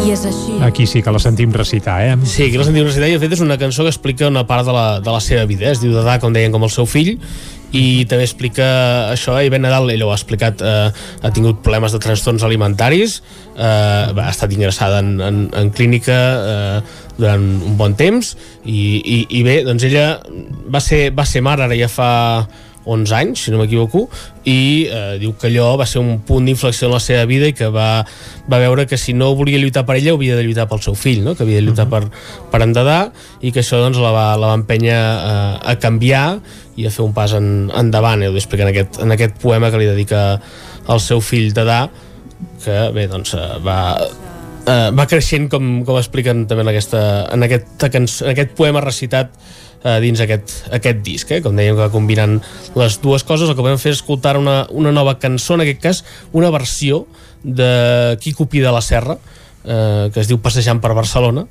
i que doncs, ha fet la seva pròpia versió eh, Pascal Comela la va, li va proposar que fessin aquesta versió i ha sortit, ha sortit així com l'escoltem Doncs escoltem aquest Passejant per Barcelona amb la versió de la Ivet Nadal i el Pascal He Comela. pensat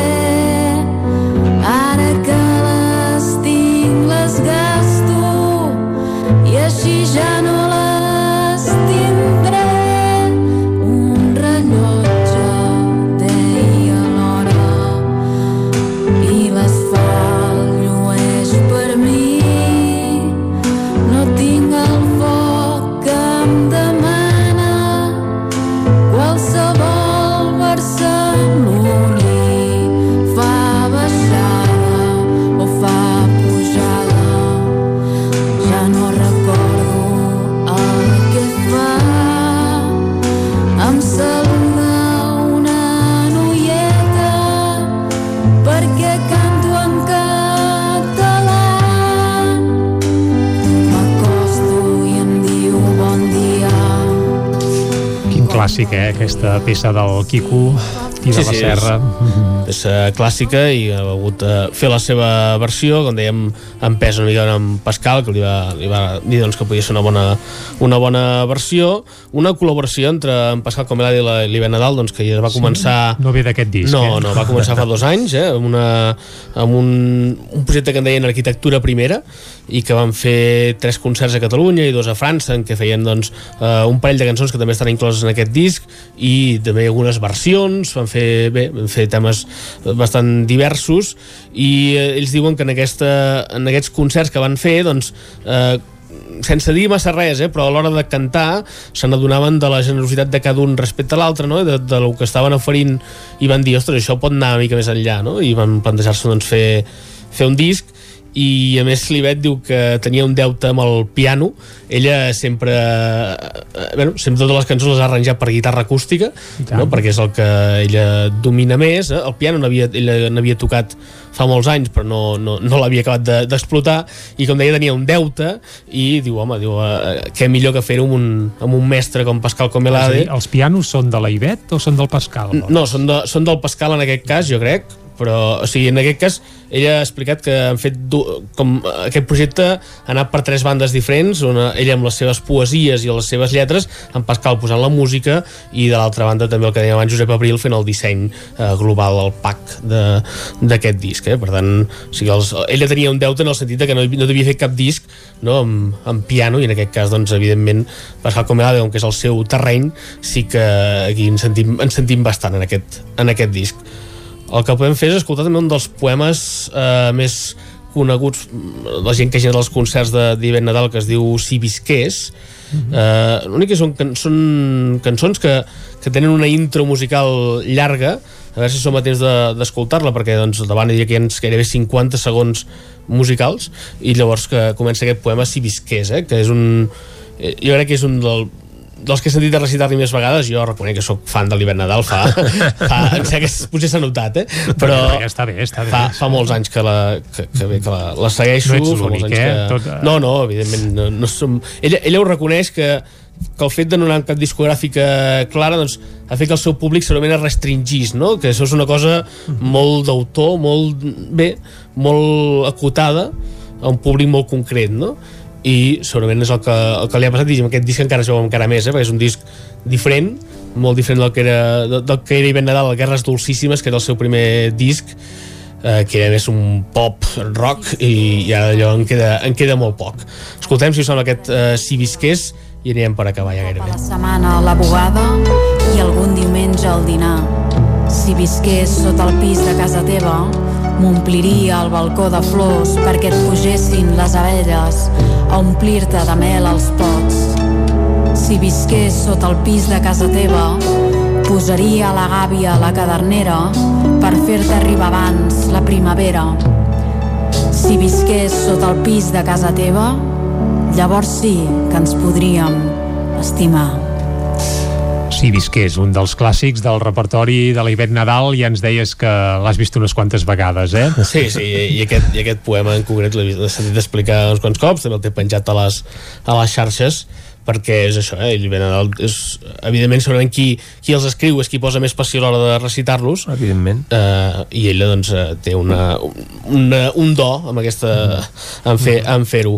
Acabarem, si us sembla, escoltant eh, Ser al meu costat, que és la cançó que tanca, que tanca el disc i que té un, no sé, té un, com un regust de testament, posem-ho molt entre cometes, eh, però diu aquí deixa tota la seva banda artística per fer aquest gir que explicàvem al principi, eh? aquest gir que ella no sap què acabarà fent eh, però té ganes de fer una cosa més filosòfica i d'agafar-se la, la música per una altra banda i la música i la poesia de, la, de forma conjunta veurem en què acaba portant però de moment tenim aquest disc en nom de la ferida Un molt bon disc de cara a Nadal, per tant, poseu-lo a la carta dels Reis. Moltes gràcies, Arnau, per passar una setmana més per Territori 17. T'esperem d'aquí set dies. Molt bé.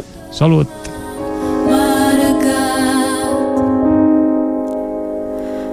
Per tu les disfresses i els meus primers poemes. Territori 17.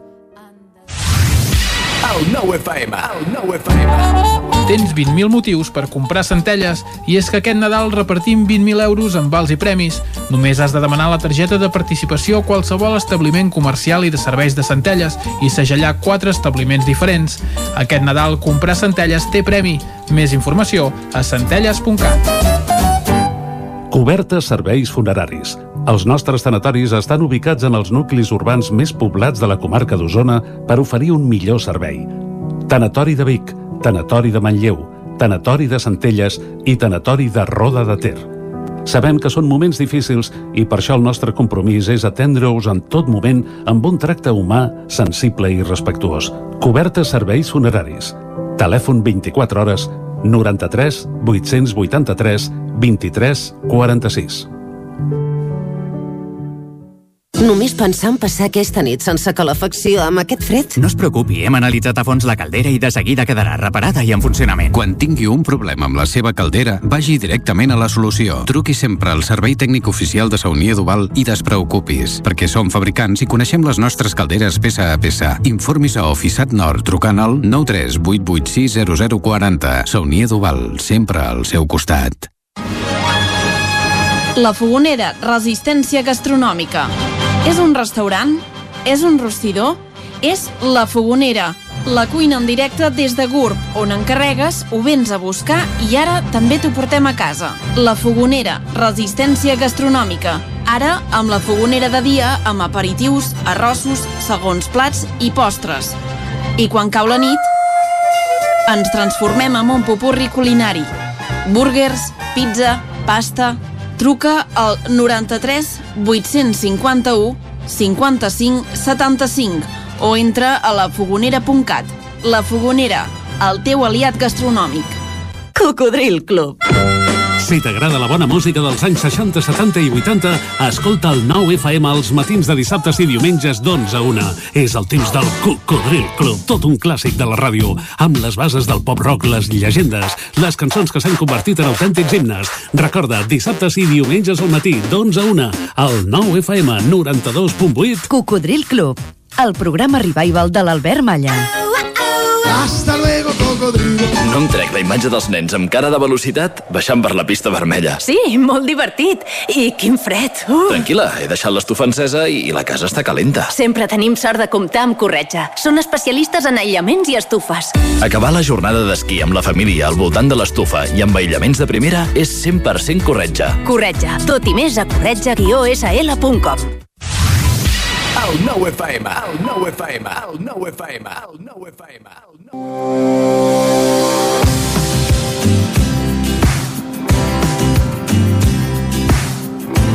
Doncs la setmana passada vam acabar de descobrir la comarca del Vallès Occidental, però avui us he volgut portar una petita sorpresa i és que he parlat amb dues persones autòctones tant de Sabadell com de Terrassa, les capitals del Vallès Occidental, perquè ens diguin què és allò que no ens podem perdre si volem anar a visitar les capitals de la comarca.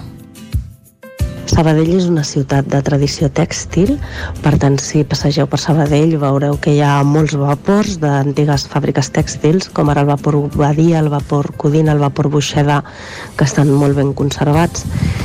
Podeu passejar pel centre de Sabadell, pel passeig de la plaça Major, al racó del Campanar, de l'església de Sant Fèlix i l'edifici de l'Ajuntament. No us perdeu tampoc la Torre de l'Aigua, que és un edifici molt emblemàtic d'aquí de Sabadell. Pels amants de la natura podeu gaudir de qualsevol del, dels parcs urbans que tenim a Sabadell, com el Parc Catalunya, el Parc Central del Vallès, el Parc de Can Gambús, des d'on es veuen unes postes de sol espectaculars. I si us voleu adentrar més a la natura, podeu fer una excursió a la Mola des d'aquí, des de Sabadell, o podeu anar pel riu Ripoll fins a Barcelona, en bici, a peu, com vulgueu. I per acabar la jornada podeu menjar uns belgues, que és un dolç típic d'aquí de Sabadell, que és com una mena de coca de vidre, però encara més bona. Mira, si vas a Terrassa hi ha tres o quatre coses que, que no pots deixar de veure. En primer lloc, crec que la Masia Freixa és un, és un edifici molt simbòlic de Terrassa, que és un, és, una, és un edifici modernista construït al Parc de Sant Jordi amb, amb un estil gaudinià i és molt, molt curiós de veure i espectacular perquè té, bueno, té tot, tot l'estil de, de les construccions de, de Gaudí, els arcs, les eh, formes arrodonides i és molt, molt xulo. Eh, una altra cosa que no et pots perdre a Terrassa si vas és eh, fer una passejada per al Parc de Vallparadís que és un, un parc super extens que creua la ciutat de nord a sud. Mm, té una distància de 3 quilòmetres i pico. I és, eh, bueno, és una passada és, eh, t'hi fiques al, al parc comences a caminar eh, i bueno, se t'oblida que estàs en una ciutat. És, és, és molt maco. Hi ha, a meitat del trajecte hi ha també una piscina municipal i, i bueno, ja durant tot el recorregut del parc, que és, hi ha moltíssimes zones verdes, doncs hi ha algun, algun bar, algun restaurant, hi ha un trenet també, és, és, és molt maco de veure. També és molt, molt icònic de Terrassa les esglésies de Sant Pere, que estan al barri, al barri de Sant Pere Nord, i, i bueno, sobretot doncs, eh, el que té molt maco Terrassa és que sempre ha volgut conservar una mica eh, l'estructura de poble i no, i, i no eh, modernitzar-se en, quant a, en quant a construccions i tot, i tot el que és el centre de Terrassa que on està l'Ajuntament i tot això són carrerons eh, peatonals on està tot ple de botiguetes i, i bueno, per allà també pots passejar i, i fer una mica de, de visita eh, en plan shopping i, i bueno, la plaça Vella que també està una mica tot el que és el, la part central de tots aquests carrerons comercials que conflueixen tots allà.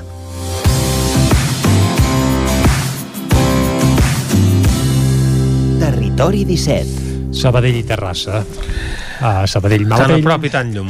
Terrassa, mala raça, i com que es barallen, doncs eh, l'única comarca catalana que té dues capitals. Eh? Això és un fet ben curiós, també. I tant. Però vaja, eh, ja ens ha quedat clar que podem anar a qualsevol de les dues capitals a fer un tom quan puguem, evidentment, perquè d'atractius els n'hi sobren a totes dues.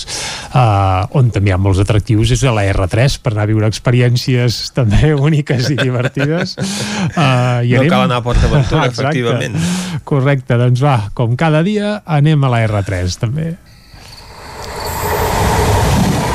A Tren d'Alba. Cada dia els usuaris de la línia R3 de Rodalies que veuen sortir el sol des d'un vagó ens expliquen les gràcies i les penes del primer comboi que uneix Ripoll i Barcelona. Benvinguts a Tren d'Alba. Avui el col·lectiu Perquè no ens fotin el tren ha denunciat que els dos combois que surten de bon matí de l'Hospitalet fins a Ripoll i de l'Hospitalet fins a la Tour de Carol tenien els seients durs i, evidentment, els hi han preguntat a Rodalies on eren els trens amb seients tous reservats pels viatges llargs. Renfe ha llançat pilotes fora, com sempre, ja que s'ha limitat a contestar que traslladarien el missatge als responsables del servei. Com fan sempre, molt transmetre i poc solucionar. I la pobra Núria ja us avanço que avui està molt enfadada. Bon dia des de l'R3. Avui estic molt indignada. El tren ha sortit 10 minuts tard de Vic i acaba d'arribar ara 25 minuts tard i resulta que, per variar, com dimecres de la setmana passada, no pensen tornar-me el bitllet ni tan sols això, perquè no procede. Us han donat alguna excusa a vosaltres? Perquè a mi tampoc. O sigui, ja ni tan sols es dignen a donar cap mena d'explicació. Arribes tard i et fots. I si vols justificant, vale, sí, però ells no et pensen donar el bitllet. O sigui que si has de recuperar l'estona, et fots. En fi, avui estic molt indignada. Uh, no sabria què més explicar-vos perquè de veritat que és vergonyós. O sigui, a més de que et foten arribar tard, que juguen amb el teu temps, que ja el, el, el viatge hauria de durar mitja hora i dura més d'una hora, a més a més, ara et trobes amb això, que ni tan sols són capaços de tornar-te el ditxós bitllet. Com a mínim una deferència pel mal gust i el mal tracte que tenen amb els viatgers i viatgeres. Estic molt, molt enfadada. Perdoneu, eh? No us mereixeu vosaltres aquest to ni aquesta mala bava de bon matí, però és que de veritat que és que ara mateix la pobra senyora de la taquilla, bueno, també li he demanat disculpes perquè ella no s'ho mereix, però és que porto molts dies enfadada perquè és que et- no et tornen els diners ni cap mena de, de dis- disculpa. A veure, avui, perdoneu-me, eh? Fa un sol que es de la closca, o sigui, quina excusa tenen per arribar tan tard? De veritat, estic molt, molt enfadada. En fi, espero que vosaltres tingueu millor dia que jo, almenys el comenceu millor. Res, no tinc res més a dir-vos avui. Bon dia i a veure si demà és millor. Apa, adeu-siau. Ja ho veieu que avui la Núria no està per gaires bromes. Si és que és indignant que cada dia el tren arribi tard i caiguin aquestes minutades d'escàndol. Per cert, ella mateixa després ens ha dit que ho havia comptat malament i al final només eren 18 minuts de retard. Una xifra lamentable igualment, i que també obligava a fer la devolució express. Però ja sabeu que Renfe es regeix per un altre codi. Va, ens retrobem demà i recordeu que ja portem un retard acumulat de 6 hores i 27 minuts des de l'inici d'aquest mes de setembre. Territori 17. Doncs avui la Núria, la nostra cronista habitual, Vicenç, que estava especialment indignada, eh? Està molt enfadada perquè no li han tornat el bitllet tot i haver arribat 25 minuts tard. Cas Ondena. Qui em sembla que no està tan enfadat són els nostres tertulians. Bé, a l'Isaac Muntades potser Ah, sí, i ara pensàvem aquí, aquí. els que veig presencialment aquí als estudis del nou FM. Ha estat un bon cap de setmana pel Barça i per l'Espanyol, potser no tan bo pel Real Madrid. Ho, des ho, vaja, ho descobrirem i ho tastarem de seguida a la tertúlia esportiva dels dilluns.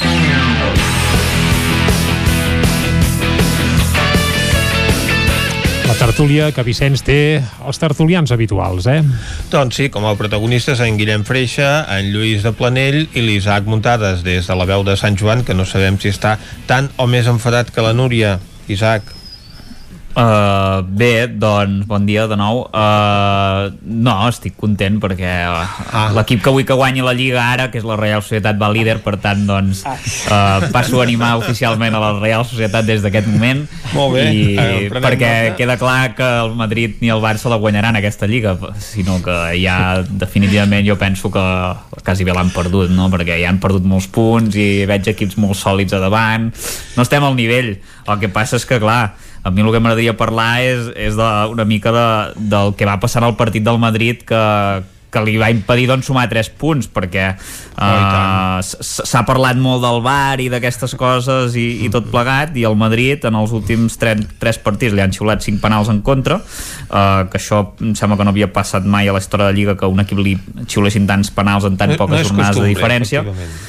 Uh, bueno, i penals que a més a més bueno, penals dubtosos de mans que no són molt clares. Després en canvi hi ha penals de jugadors que els agafen pels cabells o que uh, els hi fan una entrada dins l'àrea que, que eh, provoca segurament que acabin lesionats i no se xiulen vull dir, algú m'hauria d'explicar exactament quins penals se xiulen perquè el fet de no xiular uh, un penal quan algú agafa els cabells no sé, jo, jo l'altre dia estava jugant a futbol sala i em van uh, aixafar el dit del peu el tinc uh, molt morat i, i no, van, no van xiular falta però és que allà no hi ha bar en Clar. canvi, uh, en, en un camp de futbol hi ha bar, hi ha àrbit i se suposa que una agafada dels cabells perquè no, en Marcelo té cabells, altra cosa no. Uh, però, cabe, però cabells en té.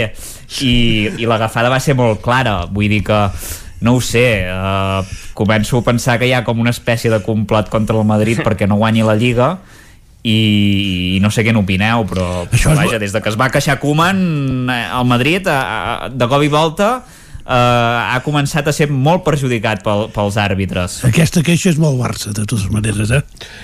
T'has- t'has això de que els àrbits van en contra, hi ha una conspiració i tot això és, és molt Barça. És, és L'Isaac s'ha descuidat un detall també que és molt Madrid que és A que veure, la. Real Societat és líder de la classificació efectivament però amb un partit més que l'Atlètic de Madrid que no ha perdut cap, cap partit Sí, sí. Sí, però com que guanyarem no- a l'Atlètic de Madrid, nosaltres llavors ja conto que Vaja, n'hi haurà, serà... n'hi haurà, exacte, n'haurà perdut un però tot i això continua sent ara mateix el candidat més sòlid sí. a liderar, encapçalar i si continuen així les coses a guanyar fins i tot aquesta lliga Eh, Jo sé del Madrid i del Barça em preocuparia una mica perquè hi ha dos equips, com dieu, la, la Real Societat i el- i l'Atlètic de Madrid, que ja sé que som a finals de novembre i que falta molta lliga, però que, esclar, en principi són aspirants a ocupar una de les dues, en dues de les quatre places de Champions. Per tant, només Sí, en, quedarà, en quedaran dues, eh? No, però no em preocupa, Lluís, perquè em sembla que el guanyador de la Champions hi va directament, no? Sí. Ah, i, i serà? El Madrid. Ah, va- vale, així, Sí, sí, sí, sí. Així ja està, eh, El ja, Madrid. Clar. D'acord, d'acord, d'acord. La guanya amb Ja, les ja has de comptar-hi, eh? Així ja, ja, ja, no, així ja no en parlem més. Però eh, així el Barça s'ha de preocupar perquè, és clar, Sí. si, si no queda El dels quatre sí. primers, malament, eh? Sí, sí, sí. Uh, la Lliga realment Europa per, League. la Lliga per, per Barça i Madrid uh, està complicada, molt complicada el Madrid, jo esperava eh, que et queixaries de, dels penals, sobretot dels penals no xiulats al Madrid i aquesta setmana jo fins i tot t'haig de dir que potser amb una mica de raó perquè... Què dius ara? Sí, sí, sí. Veus? És que, No, no, no, és que que aviam. em doni la raó en Guillem Freixa vol dir que, ostres, com ja és... siguin. Aviam, Uh, hi ha un, amb, crec que és a Isco, no? Que el, el tomben a l'àrea. És, uh... No, no és Hazard? Hazard, doncs, bueno, uh, que tomben un jugador del Madrid a l'àrea i jo crec que allà hi ha un contacte suficient com perquè es xiuli penal i amb lo de Marcelo Mm, també és una jugada que depèn com te l'agafes eh, doncs es pot considerar una, o una agressió fins i tot, eh? perquè hem vist a vegades eh, accions d'algú que deixa anar el colze o que fa una, o deixa anar els braços d'una manera poc natural i li acaben, li acaben xiulant eh, una falta, una expulsió i en aquest cas doncs, segurament hagués sigut penal. Eh, amb això vull que vegis que quan jo critico i dic les coses les dic amb, amb fonament eh? per, properes, no. per properes vegades eh? que no, no furguis en, en la ferida d'acord, que... el pròxim dia quan hi hagi una acció polèmica contra el Barça que sigui clara també la també la diré. I així, així, però... empata, així empatarem i després ja podré tornar a rafar sí. una altra cosa haurà de ser molt clara però. molt clara haurà de ser molt clara el que sí. volia afegir però és que aquests dos possibles penals no xiulats amb el Madrid no haurien d'amagar que el Madrid realment està molt i molt gris perquè perquè uh, l'Alavés um, tampoc fent un partit massa bo sinó que aprofitant no? un, sí, bueno. una errada de Courtois sí. un, un gol matiner doncs en va fer prou per, per fer mal amb el Madrid i en alguns moments del partit uh, descol·locar la defensa desmanegar l'equip i arribar amb claredat per marcar uh, més gols, el Lucas Pérez en va tenir un parell no? davant de, de Courtois per tant que l'Alavés et desmanegui mm. i et eh, domini fins i tot en alguns moments d'aquesta manera contra un Madrid eh, és per, per preocupar-se. I el que dèiem de la Lliga eh, aquí el rival que tothom ha de mirar és l'Atlètic de Madrid en, en primer lloc perquè jo crec que és l'equip que per, per plantilla, per potencial, per qualitat per experiència en estar a la part alta doncs això també s'ha de, de tenir en compte sobretot quan arribi més al, al tram final de Lliga. I en segona instància doncs mirar aquestes eh, posicions de Champions perquè si la situació econòmica sobretot en el cas del Barça eh, ja és la que és eh, que trontolla per tot arreu veurem com evoluciona tot plegat només faltaria que de cara a l'any que ve doncs, estiguessis jugant una UEFA o mm, qui sap si ni, ni això perquè ara mateix eh, si no vaig errat no seria ni, ni a l'Europa League. Per Però, tant amb la teoria de l'Isaac podeu guanyar la Copa del Rei. Sí, setè, no? Ara mateix estaria el Barça. Sí, per tant, de, en funció de com anés, podria acabar entrant a l'Europa League, però bueno, que no és el lloc que li pertoca una plantilla com el Barça, això es, està clar, i oh, si l'objectiu ha de ser la Copa del Rei, veig que no hi poses la Copa d'Europa. Però el Barça, uh, el Barça la, la Lliga acaba de començar i el Barça enceta un nou projecte amb un nou entrenador. Qui no té excuses és el Madrid, sí, però que són els mateixos. Una cosa és un nou projecte amb un nou entrenador i l'altra cosa problema. és estar vuitè a la Lliga uh -huh. i, diguem, navegant. Jo ja ho vaig dir, eh, que no n'espero massa res d'aquest Barça aquesta temporada. Guardiola va perdre el primer partit com a entrenador. Sí, però llavors, uh, saps, aquestes dates ja, ja havien fet la feina, eh, que diguem. Sí, sí, ja...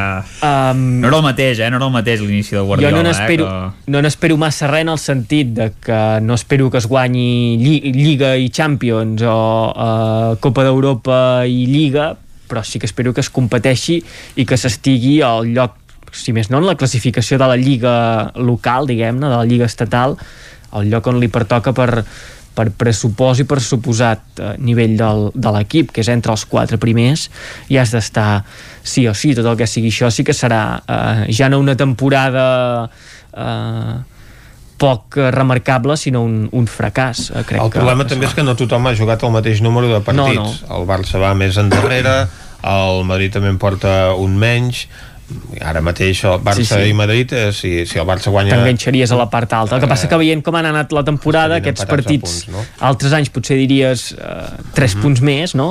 i ara... Tres derrotes ja a aquestes alçades de la Lliga són moltes. Sí, és, és, és molta. El, el partit que té pendent el Barça és amb l'Elx. Sí, en principi. I llavors, o sigui, si l'Elx us preocupa molt, llavors, no. llavors us hauria de preocupar vosaltres sí. del, del vostre equip, eh? Però en aquest any jo crec que uh, tot es posa una mica en, en quarantena i mai millor dit no? Uh, totes les, els partits, tots els rivals totes les situacions. El partit del Madrid només voldria dir que el, en primer lloc li ensenyaria targeta vermella a Marcelo per estètica perquè no es pot anar pel món. No. Es pot anar pel món amb, aquest, amb, aquest, amb aquesta amb per, per tenir el, un cabell tan, tan maco, no? Sí, exacte, preciós. I, I llavors hi van haver dues entrades dintre l'àrea que els jugadors del Madrid van, van reclamar com a penal, però són aquelles agafades que hi ha sempre quan, quan eh, surt un corna, quan treus un corna, però llavors hi va haver una falta al revés, una falta del davanter al defensa, que era una panteta petita, petita, petita, i l'àrbitre la va xiular com a falta i llavors penses, si aquesta empanteta petita eh, és falta, aquelles dues que no has vist, eh, llavors són penals. I llavors vull dir, eh, són, per mi, eh, el problema dels àrbitres és, és aquesta falta de criteri eh, en el moment de, de, de marcar una cosa important com és un penal. Perquè si l'empanteta, és que ja no me'n recordo ni de qui era, però era del davanter, en el defensa, que no va ni caure, però vull dir, eh, sí, sí, hi va haver una acció antireglamentària, però llavors les altres dues que són penal o no són, o no són penal. Llavors, em, per mi és la falta de criteri, però ni Barça ni Madrid us podeu queixar dels àrbitres, perquè si posem la balança a favor i en contra, em, eh, la, la, la diferència és tan notable que si un dia us perjudiquen, doncs és, és ben bé un accident. I, i aquesta de- setmana... s'han de... No, que aquesta No, que setmana dic que tampoc hi de havia, hi havia Sergio Ramos al camp, no? Que també eh, xiular un penal amb Sergio Sergio, Ramos? No, no, dic que no hi era. Ah, que no, no hi era, que això dels jugadors no? també n'hi ha que tenen més o menys ascendència sobre els, els àrbitres. Jo crec que eh, estirades, caigudes, eh, lipotímies vàries a l'àrea eh, no es xiulen igual si és Sergio Ramos qui tens al davant que jo crec pràcticament qualsevol altre jugador, ja no et diré del Madrid sinó de tota la, de tota la Lliga és un dels jugadors que es, jo crec que genera més respecte amb l'arbitratge i que, que sap provocar aquestes accions de penal també. Però segur que si Sergio Ramos hagués estat al camp i hagués anat a reclamar la jugada i algun altre jugador que hi havia a la banqueta també, que, bueno, la banqueta, la grada que estava Sergio sí. Ramos a la grada amb, amb Carvajal i això que, que immediatament quan veuen la jugada diuen és penalti, és penalti, no l'ha visto que això se sent, no?, a, les imatges i tal, i, i que no se'n feien creus si haguessin estat al camp jugadors d'aquest estil protestant, segurament potser uh, s'ho hagués mirat o hagués dubtat una mica més l'àrbit, una mica de, de protestar, no? Una mica de, ostres, que és el Real Madrid. Uh, també aquests partits, al Madrid aquest any s'està veient que els partits contra els equips de baix o teòricament febles no li estan acabant d'anar massa bé i curiosament els partits més bons s'estan fent contra, bueno, contra per exemple l'Inter de Milán mm que és un equip mm, teòricament molt poderós, que està per guanyar ara no està líder a Itàlia, eh? però vull dir que Ja té una plantilla per sí. guanyar Jo crec que és una decepció Sí. l'Inter, eh, a Europa. Sí, sí, que és Perquè una decepció, però- però té- últim del grup. Però té un equip, exacte, està últim del grup, però té un equip saps? Vull dir que el Madrid, en canvi, contra quan li ha arribat el, el Cádiz, el, l'Alavés, el Shakhtar Donetsk, mm, bueno, equips, diguéssim, de perfil mitjà-baix, eh, tirant cap a segona divisió doncs no, no sé què passa que si no marca allò el gol a la que li fan el primer sembla ser que ja no aixequen el cap que ja tens la sensació de dir, ostres, això ja no es remunta. T'han fet el 0-1 i ja no es remunta. I, i això torna una mica el que deia en Lluís un dia de que uh, si hi hagués públic i el partit es jugués al Bernabéu n'estic segur que aquest partit es remuntaria. En canvi, en els partits eh, grans, al Madrid potser li va millor no tenir públic que, que això és, és curiós o sigui, eh, quan hi havia públic al Bernabéu en partits grans costava més a vegades per la pressió que s'havia de guanyar, era més complicat tot i que ara últimament també n'havíem guanyat algun però, però en canvi els equips petits sí que s'empetitien. I ara, com que juga Valdebebas allò que et fan el primer gol te'l fan a més ràpid com va passar el dia al Cádiz també, que el van fer molt, molt ràpid al principi l'equip, eh, com que ja no té reacció i no té gol, perquè ara mateix no tenim el, el golejador bueno, anava Benzema és el golejador principal, és el golejador vull dir, per, per, no ha fet tampoc tants gols però, però ho és, per tant eh, no ens podem fiar d'altres jugadors que no estan acostumats a jugar o no, o no tenen el nivell per jugar al Madrid o no ofereixen el, els gols, llavors per això l'altre dia deia que s'havien de fitxar jugadors i, i jo estic perquè al, mercat d'hivern es fitxa algun jugador a, a davant d'alguna manera, és igual, el que sigui però un davanter que almenys eh, t'asseguri gols, i mira, ara que no tenim Sergio Ramos que tira els penals, si ens tornen a xiular penals doncs un jugador del Real Societat que té una eficàcia 100% en els penals i que ens aniria bé eh, i que està fent molt bona temporada i que jo crec que l'any que ve no estarà eh, a, a la Real Societat és Mikel Oyarzabal. Seria un fitxatge que poder no no seria del nivell de Haaland o Mbappé que són els que jo vull però per fer un pedaç i per tenir un jugador que és bo eh, podria servir, per exemple i no costaria tants milions Sí, el que passa que això d'anar a fitxar eh, equips d'aquí a la Lliga Espanyola, sobretot la Real, no, ja, ja es va fer, no?, el Madrid, amb, amb com es deia, el, el lateral. Illarramendi. aquell. No, Illarra Ah, o i, Driozola, i o Driozola. I cap Sí, que no han sortit bé, però, però vaja, aquest segur que sí que sortiria bé. Va, Xavi Alonso va sortir, si bé va- venia de la, del Liverpool, però va passar per la Real. Mm -hmm. És complicat, no sé. Bueno, tot això el Barça va guanyar, eh? Això sí que... Sí? Ah, no, no me'n recordo. Sí. No, no, notícia, sé, eh, eh, per poc. que el Barça guanya és notícia, imagina't. Sí, bueno, Exacte. Amb un rival directe Va de la fer- classificació. sí, sí, no? Sí, va, bé, bé, però esclar, n'hi ha que amb l'Alavés empaten i d'altres que hi perden, també.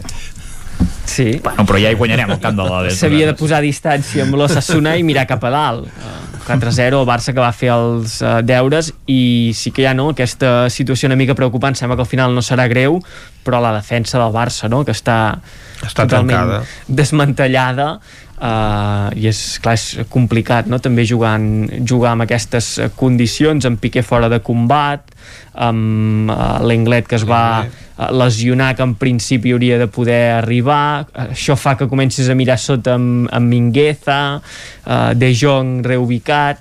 No sé què passa amb els centrals del, del Barça però Minguez eh, ha d'estar animat aquests dies, eh? perquè després de la bronca que li va fotre en Koeman sí. a la sala de premsa, vull dir, és per sortir reforçat d'això, no? sí, jo crec que és psicologia inversa no, això.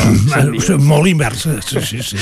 No, però Koeman ho ha fet de, de fer tocs d'atenció amb... Amb un nano de 18 anys, no? Sí, però jo, és una cosa és també, jo crec que en Koeman juga molt a el que diu a, la, a davant i el que fa darrere que a davant va dir això eh, d'aquesta manera però jo crec que ha tingut mà a darrere amb aquest eh, nano i que més enllà d'aquesta de l'errada que va tenir aquella que va perdre la pilota que va estar a punt de, de, de, de provocar un gol de l'Ossassuna eh, jo crec que Mingueza ha complert i n'és conscient d'això Koeman i, i jo entenc que dins el vestidor el, deu, el tracte no deu ser de, de bronca constant i uh, que deuen saber separar això, eh, el que es diu de cara al públic i el que queda de portes a, en dintre. Koeman davant dels micros mm, a mi no m'acaba d'agradar perquè eh, les, les clava així molt de cavall estan, a vegades sembla que no, no pensi massa mm, en aquest cas és cert eh, que potser no és la millor manera de, de posar-lo a, a, a l'aparador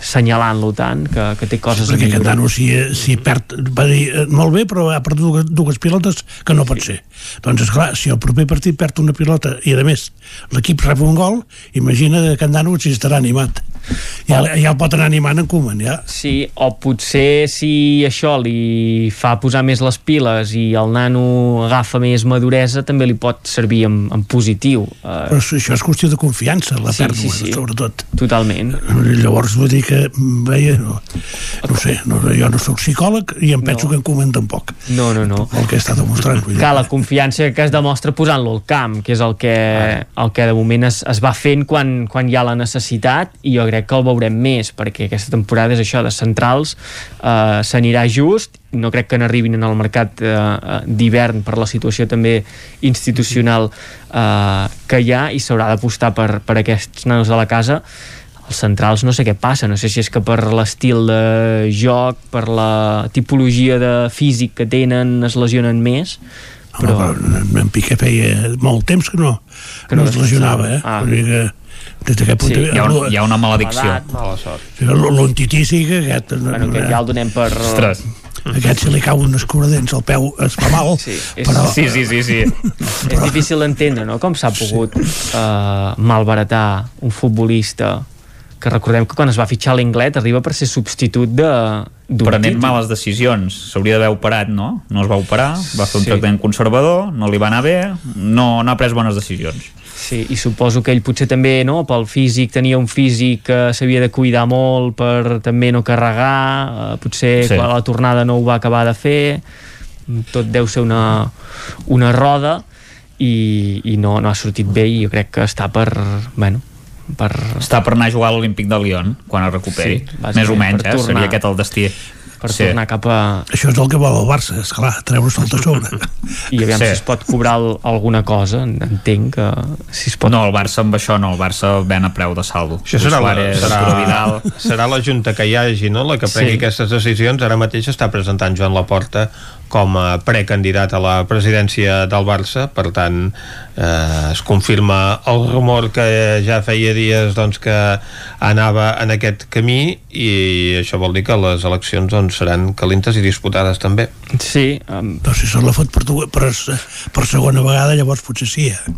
Jo... que s'haurà de rumiar-ho. Bé, uh, la situació però és molt diferent, no? Perquè fa 5 anys va haver de lluitar contra un triplet. Sí, contra un triplet, contra un...